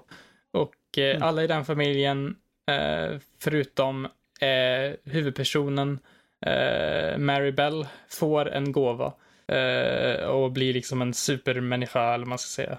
Uh, hon blir liksom en vanlig person. Uh, och sen, uh, och alla andra i Madrigal-familjen som de heter blir liksom de, lite olika saker som gör att de blir lite typ mm. supersnabba. De är förmågor helt typ, enkelt, de andra, men inte hon. Förmågor helt enkelt, ja. ja. Det, det, här låter som något annat också. Jag kommer inte ihåg vad det är för någonting, men det också är att mm. det här är den enda person som inte har superkrafter alla andra har. Ja. Eh, hon börjar få visioner, eh, den här eh, Mary Bell, om att eh, huset börjar spricka. Eh, och eh, det båda är ju inte jättegott kan man tänka. Eh, och inte för att säga så jättemycket, men det finns kanske lite typ de verkar vara väldigt ignoranta om, om henne, men ändå så verkar det finnas någon, någon sanning i det här kanske. Eh, vad som, att det kanske inte kommer gå så bra för huset och invånarna där och det Eh, och eh, ja, de är typ flyktingar från början, eh, den här familjen. De flyr från någonting, någon, något till och de kommer till det här huset och så. Och, ja, det är en, ja, det är en typisk Disney-musikal kan man säga. Det är väldigt mycket så, sångare och sånt. Tråkigt nog så på bion eh, i stan så fick vi inte in eh, originalspråksrösterna. Så jag var tvungen att titta på dem på svenska. Vilket jag tror förstörde lite av låtarna eh, och sånt. Eh, och stilen på dem. Eh, men när de började sjunga på spanska sen blev det lite bättre. För då kändes det mer naturligt. men ja, eh, det var... Det var väl en kant och det, jag tycker att det är lite tråkigt att den ändå gått lite under radarn känner jag, för det är många som inte typ inte hört talas om den när man nämner den så är det liksom, jaha, den filmen finns, det visste jag inte. Uh, för den har inte marknadsfört sig jättemycket tror jag jämfört med många andra. Precis, den är ju intressant för det är ju, om jag inte är helt ute och cyklar så är Lin, uh, vad heter han, Lin Lin Manuel Miranda, hans första debutfilm sett till regi. Uh, han gjorde ju Hamilton, han var med i Hamilton-musikalen bland annat mm. och gjort väldigt mycket annat men väldigt känd för just bra musik då. Um, men om det är en musikal, hur bra är musiken? Jag tycker att den är ganska svängig och härlig att lyssna på. Kanske, som jag sa tidigare, när jag, när jag var tvungen att lyssna på den på svenska så förstördes Mm. kanske texten lite grann i dem. Ja, Men det. eh, när man kollar på bara melodin i låtarna så tycker jag att de var, Mm. ja, jag tycker att de var, ja, jag tycker det var en härlig liksom musikfilm. Jag, det märkte jag ju när jag trodde nästan att med Raja, som jag också tyckte var en riktigt bra film som de släppte. Åh, den är tyckte så bra, mer- Raja. Jag älskar den. de, tyckte mer om Raya. Det är nog en, faktiskt typ topp fem filmer Mm. för mig var nästan Raya. Men eh, Encanto är också riktigt bra, men kanske inte riktigt några bra. Nej, Men nej. eh, Raya hade ju verkligen noll musiknummer typ i sig. Men eh, det var ju kanske lite det där det gjorde liksom. Det behövde inte det. Nej, den var fokuserar liksom på inte- storyn Raya. Raya. Den Ja. pratade vi aldrig om tror jag i podden. Jag kommer inte ihåg om vi gjorde det. Men det, det är en jättefin film.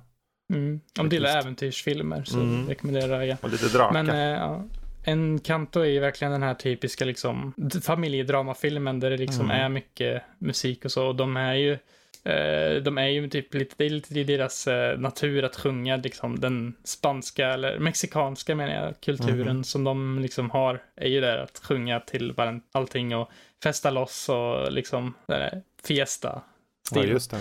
Eh, Så det är lite därför jag tycker Ja. det passar bra in på karaktärerna. Så jag tycker också det är ett ganska div- diverse cast, eller vad man ska säga, med många Mm. olika karaktärer där. Många som kanske inte får jättemycket screen time, eh, men en del får lite mer och tycker att de är, ja, jag tycker det är en mysig film. Kanske Mm. inte årets bästa film, men jag tycker ändå att det var en mysig rulle att titta på i stunden. Den är inte så jättelång heller, typ 1.39 tror jag den var. Okej.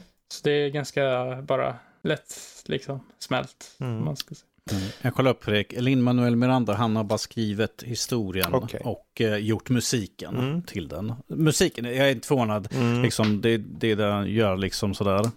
Uh, I Hamilton till exempel och där. Ja, så. det ska bli intressant att se den här. Jag... Någonstans Nej, det- tänker jag ju så här att Disney har ju oftast en ganska hög lägstanivå. Så eh, Yes. det ska nog mycket till för att den ska vara Ja. Något annat än okej eller bra liksom. Ja, men jag kan ju inte gå fel med John Leguizamo. Ja, just ja, han är bad guy eller något. Om jag fattar rätt. Jag har inte sett filmen, men eh, Bruno, Då, Fredrik, de har ju Alan Tudyk med. ja han är med. Ja, Är den han, är, här, han, är han en fågel den här gången också? Eller något sånt bara... ja. Just det, den här Bruno kanske man kan nämna. Bruno är en karaktär som är ganska viktig att tänka på i filmen. Det är en som kanske, en som verkar försvunnit från familjen. Och de ska inte prata om Bruno, säger de i en låt. Så ja, Mhm. det kanske finns något av den här Bruno. Fil- Prata inte om Bruno nu, ja. Är inte, alltså de, de sjunger Det första ljuset det. brinner, prata inte om Bruno. Men typ, prata inte om Bruno, no, no, no. Typ så. Okej. Ja. Mm.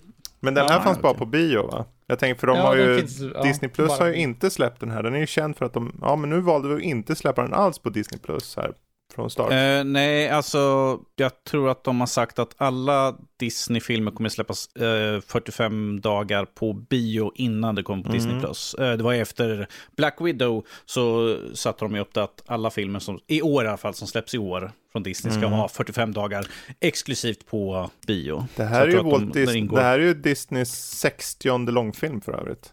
Oj, Oh my god. Eh, för att nämna det, det, det, i början av filmen är det även en kortfilm. Ah, Okej. Intressant nog har de valt att ta den gamla tecknade stilen på den. Eh, handlar om några tvättbjörnsfamilj som försöker överleva typ.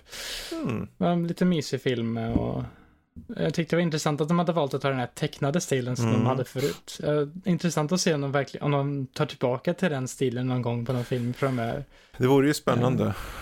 Senast För, var väl Prinsessan och grodan, det var 2009 tror jag. Om helt Yes, och det är den senaste handmålade. Ja, Ja, ja. ja. Okej. Ja, där ser vi. Då fick vi i alla fall med den nu. Nu ska vi inte dra mer sådär för att jag vill att folk ska kunna gå och dricka lite glögg och äta lite De som lussekatt. lyssnar kan ju faktiskt pausa när de vill. Nej, nej, Ja. nej, nej. Måste lyssna igenom på allting sådär. Ingen paus här sådär. Liksom. Lyssna rakt igenom och sen kan ni gå och njuta allting. Mm. Så. ja. Går inte, går inte att pausa sådär för då kommer, jag, kommer de slå igång. Jag bara, jaha, dags att komma tillbaka nu då. Mhm. Mm. Men med det sagt så vill jag tacka Fredrik, jag tackar Jesper för att ni var med i dagens avsnitt. Så vill jag tacka er som lyssnar också så där och eh, återigen önska en eh, glad advent. Eh, vill ni nå oss kan ni ju eh, som sagt skriva till oss på info.nordlivpodcast.se alternativt skriva eh, direkt till oss och bara ta våra förnamn. Eh, ni hittar oss på vår hemsida nördliv.se. Och vill ni hitta oss på sociala medier så är vi nordliv.se. Så där kan ni se vad vi håller på med. Enklast är som sagt att hoppa in på, på hemsidan. Eh, och ifall ni vill prata mer med oss så kan ni hoppa in på vår Discord. Det finns en stor connect-knapp så ni bara klickar på den så hoppar ni direkt in i vår Discord där vi lägger upp eh, frågeställningar, vi pratar om spel, vi har massvis med olika kanaler där vi pratar om allt från enbart Playstation, Xbox, eller till och med lite Pokémon också finns det mm. säkert inblandat där någonstans. Så det blir alltid kul.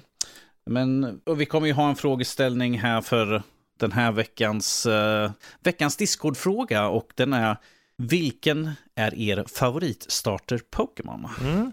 Kommer kom vi lägga upp en frågeställningen eh, det är dagen som den här delen släpps. Och det, för ni vill svara på den. Vi kommer ha några alternativ där. Jesper mm. kommer få leta upp en alternativ för han är bara Vilken eller vilka?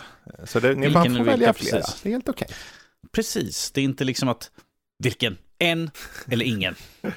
precis. Välj en, resten dör. Åh oh, nej. Det är inte så. Det är liksom, välj hur många du vill. Du kan ha allihopa ifall alla är dina favoriter. Men det kommer vara i alla fall veckans Discord-fråga. Och med det sagt, som sagt, tar vi och rundar av veckans avsnitt. Toodaloo! Hej då! Hej då!